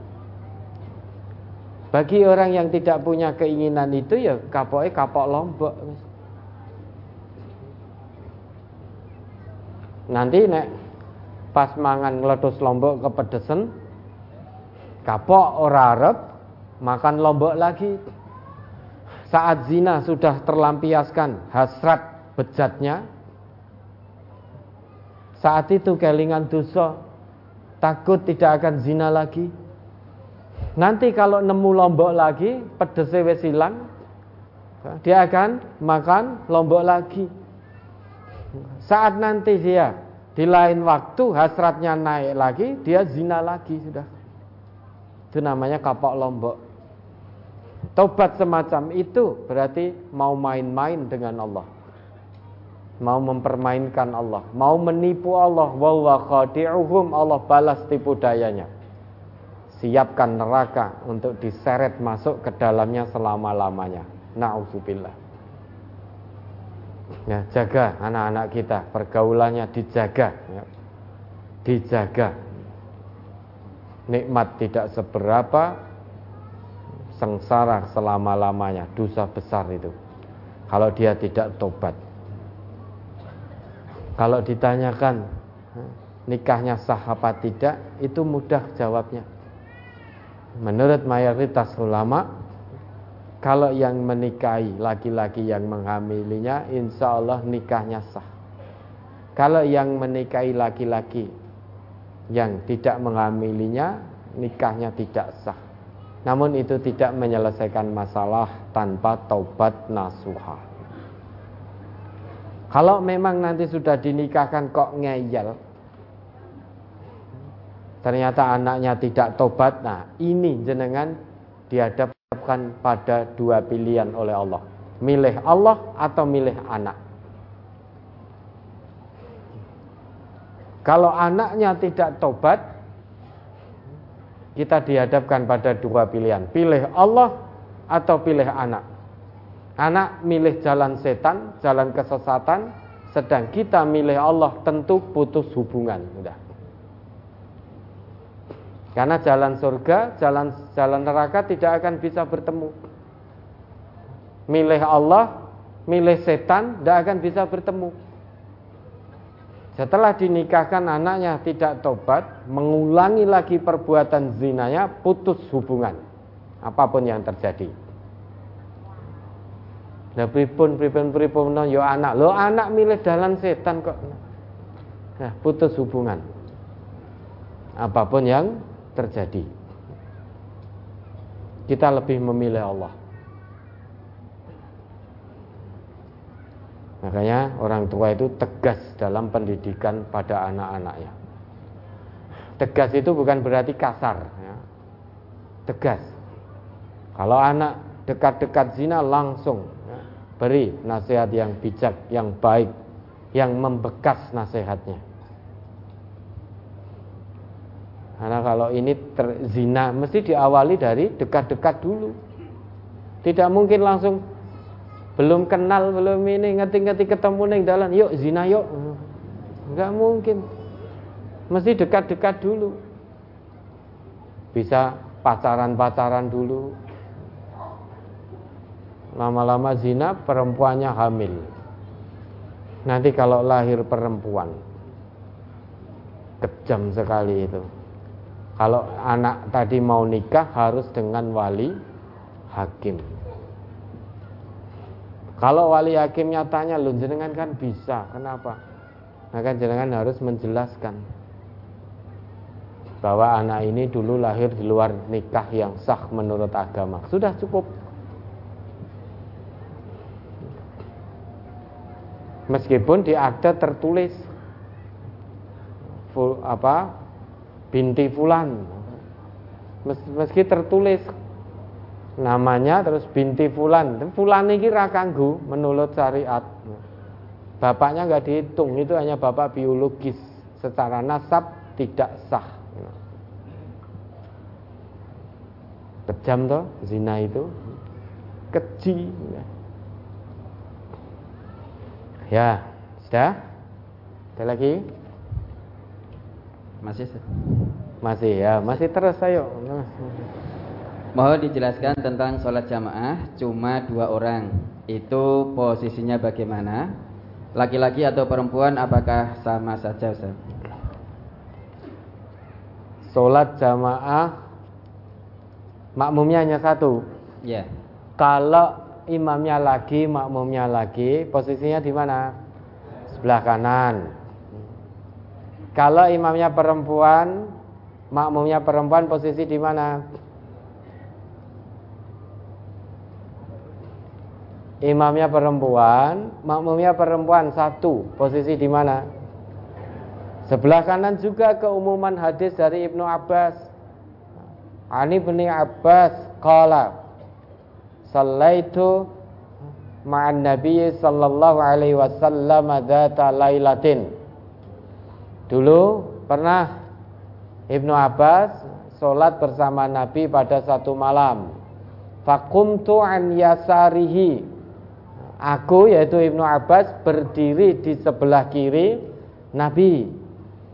Fa'akhoda Rasulullah bi min warai. Kemudian Rasulullah memegangku, memegang kepalaku dari belakangku. Ya cara nenek dibahasakan sebelah kiri ya beginilah. Dipegang kepala dari belakang. Faja'alani an yaminihi. Kemudian Rasul menempatkan aku di sebelah kanan beliau. Sehingga kalau imamnya laki-laki, makmumnya satu laki-laki, posisi makmum di sebelah kanan tepat persis imam. Imamnya perempuan, makmumnya perempuan, maka satu loh ya, satu maka makmum juga berada di sebelah kanan persis imam. Kalau imamnya laki, makmumnya perempuan satu, posisi makmum di mana? Tetap di belakang keumuman hadis Nabi. Ya, bahwa perempuan itu di belakang. Itu kalau imamnya laki makmumnya perempuan satu biasanya ini bisa anak perempuan bisa juga istri. Oh bisa lagi Ustaz apa? Imamnya lagi makmumnya pacarnya ndak saya nggak bicara pacar-pacaran. Ya. itu tidak baik. Masuk sholat menghadap Allah dengan pacarnya. Sedang pacar itu dilarang dalam agama. Berduaan sisan di dalam kamar hotel sisan. Kita sedang bicara pasangan-pasangan atau sesuatu yang mahram Biasanya kalau makmumnya lagi kemudian apa imamnya lagi, makmumnya perempuan satu, kalau itu di rumah biasanya dia bersama istri dan anak perempuannya. Atau kalau di luar rumah mungkin di masjid, ya, maka bisa jadi imam masjid itu dengan jamaah perempuan satu maka posisi perempuannya tetap di belakang. Tidak harus makmumnya istri, tidak harus anak perempuannya. Ya, kalau itu di masjid, misalkan imam masjidnya, beliau yang datang, karena hanya ada satu, beliau yang adan, beliau beliau yang komat, beliau yang imam. Kemudian datang satu jamaah perempuan, maka jamaah perempuan ini di belakang meski bukan istri bukan anak perempuannya. Ya, ada lagi? Satu lagi Ustaz ya. Ya. Apakah pantas seorang suami membentak-bentak istri karena hal sepele ketika suami lagi tidak enak atau anyel? Suami sudah mengaji, tapi sama istri masih saja mencari-cari kesalahan. Tidak ada kasih sayang sama sekali dan tidak pernah berkata lemah lembut kepada istri. Saya harus bagaimana menghadapi suami yang demikian itu, Ustaz? Ini satu lagi tapi kalau kita uraikan biar gamblang, biar jelas dimulai dari Arum ayat 21. Kemudian tentang rasa malu kita kepada Allah, ini panjang itu, Ustaz. Yeah. Gimana? Atau tunda? Iya, ya, ditunda. Ditunda ya. Ya. Ya, ini lumayan ya kalau kalau singkatnya ya, singkatnya lo ya. Suami itu suami yang tidak berakal. Menurut Allah dalam Quran surat Ar-Rum ayat 21. Karena tujuan pernikahan itu sakinah mawadah wa rohmah. Kalau suami tidak bisa kawam, tidak bisa membimbing memimpin istri ke jalan yang benar, tidak tercipta dalam rumah tangganya sakinah mawadah warohmah, maka suami ini tidak bisa mikir. Karena tanda kekuasaan Allah salah satunya sakinah mawadah warohmah. Ayat itu kan ditutup begitu. Tanda-tanda itu sakinah mawadah warohmah hanya bisa dijalankan bagi hamba Allah yang berpikir. Maka kalau betul yang jenengan sampaikan suami panjenengan niki jangan-jangan ora waras. Ya, sukanya membentak, mencaci. Maka bagaimana yang harus dilakukan? Pertama jenengan sabar, kedua bawa suami ke psikiater. Ya. Jangan-jangan ora waras ini suaminya. Karena tidak punya pikiran, akalnya nggak sehat. Itu singkatnya seperti itu.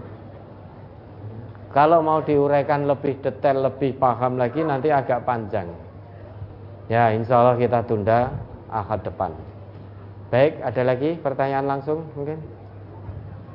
Baik, Masih dibuka pertanyaan langsung? Kurang 7 menit jam 12 Sat. Iya saya iya ini kurang 8 menit di sini. Hmm. Jadi monggo saya terserah jenengan saja.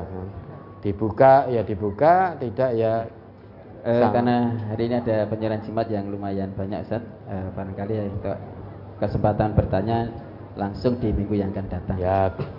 Saya tadi bertanya ada lagi, beliau ada terus maksud saya ada lagi ini pertanyaan langsung Ustaz. Nah, kan gitu ada lagi ya sudah ini karena pernya, apa penyerahan jimat dan pembacaan nanti setengah jam lebih loh ini ya, mudah-mudahan Allah menjaga keikhlasan kita yang ingin bertanya langsung jauh-jauh rawuh ke sini ditahan dulu ditunda harapannya apa akad depan dengan rawuh sini lagi Ya, mana jimatnya? Apa ini? Yang pertama kami sampaikan laporan rombongan yang dari jauh Set.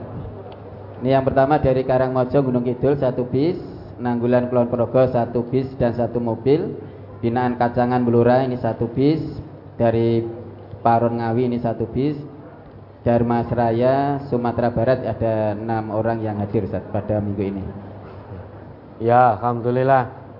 Ini rombongan yang jauh-jauh ini mudah-mudahan masafah jarak yang sudah ditempuh kemudian biaya yang sudah dikeluarkan ya, mudah-mudahan ini diganti oleh Allah mendapat nilai kebaikan di sisi Allah Damas Raya saja sampai sini loh. Damas Raya saja sampai sini. Masa yang situ-situ nggak sampai sini? Berarti kan lebih dekat Damas Raya ke sini. Ya mudah-mudahan diridhai oleh Allah. Berikutnya permohonan doa untuk kesembuhan saudara-saudara kita yang sedang sakit. Anak Basuki dari eh mohon maaf, Anik Basuki dari Boyolali 1, anak Khalid Aska Diaul Haq dari sini 1, Bapak Sobari dan Ibu Tati Samanto dari teras 1, Ibu Siti Mas Harini dari teras 2, Ibu Vita, Bapak Agus Sutekno dan Bapak Hartanto dari cabang Telogo Mulyo, kemudian Bapak Pratikno dan Bapak Harsono dari cabang Keranggan, Bapak Zulfikar dari Kedu, anak Hasna dari cabang Kandangan, Bapak Tito Sunaryo dari Temanggung, Bapak Wardoyo, istri Bapak Rubaidi dan Bapak Katon dari Cawas, Bapak Mardianto dari Solo, Bapak Joko SP dari Cepu, dan Saudara Wildan dari Gemolong. Sebenarnya sakit mohon doa kesembuhan. Baik, mari kita doakan beliau-beliau ini. Allahumma shfihim, Allahumma shfihim, Allahumma shfihim. Mudah-mudahan dianugerahi sabaran keikhlasan dalam menjalani ujian iman dan takwa dari Allah ini jadi kafaroh penggugur dosa-dosa dari Allah. Baik, ada lagi? Berikutnya permohonan doa untuk saudara kita yang meninggal. Satu ini Bapak Bapak atau saudara Subarjo dari Miri dua. Satu Bapak ya? Si. Mari kita doakan beliau. Allah. Allahumma wa'fu anhu Allahumma filahu warhamhu wa'fu anhu wa'afihi wa akrim nuzulahu wa wasi' madkhalahu wa khsirhu fi ma'in wa samtin wa baratin wa naqqihi minal khataya kama yunaqqa as-sayfu wa biyadu minat danas وابدله دارا خيرا من داره وأهلا خيرا من أهله وزوجا خيرا من زوجه وقيه فتنة القبر وعذاب النار Ya, mudah-mudahan diampuni dosa-dosa beliau oleh Allah, ditempatkan dalam jannahnya. Kita semua yang masih diberi amanah hidup mudah-mudahan dimatikan oleh Allah dalam keadaan husnul khatimah.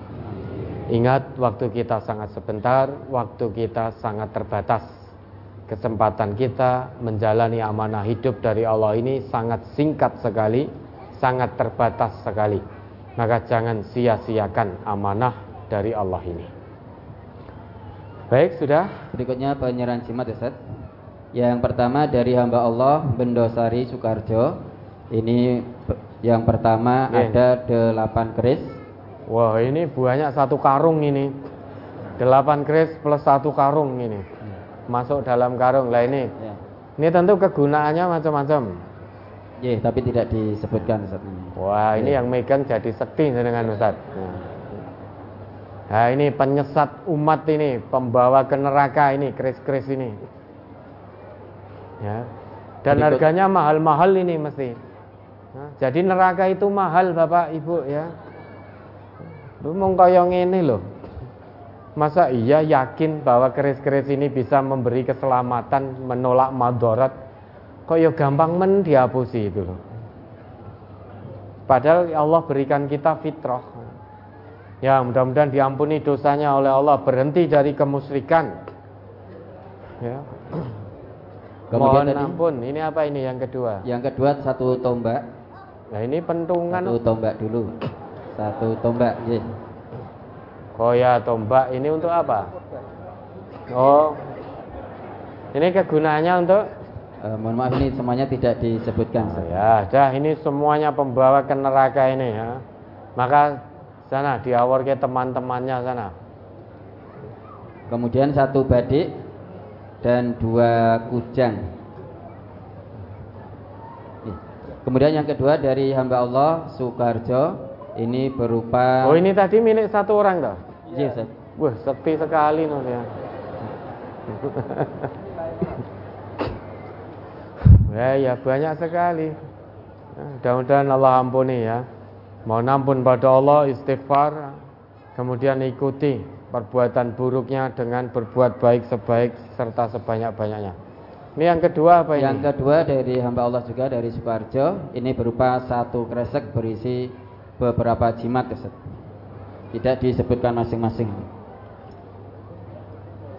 Tapi macamnya banyak.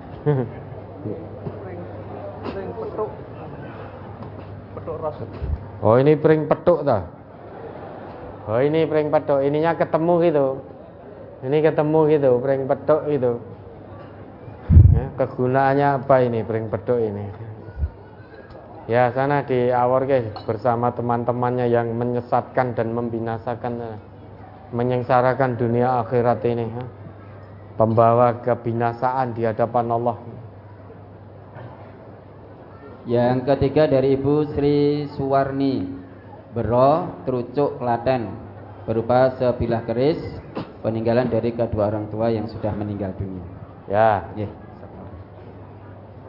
Nggih, mangga di awal itu macam-macam keris itu di bawah itu wah banyak sekali itu. Kalau nanti tidak muat ya belikan lemari lagi. Ya, pasang lagi di situ sehingga biar nanti Bapak Ibu yang ke sini melihat oh ini loh bentuk-bentuk penyesat umat ini seperti ini loh. Ya, harganya mahal-mahal itu. Oke, ada lagi? Oke, berikutnya infak untuk Ponpes dan media dakwah kita. Ustaz.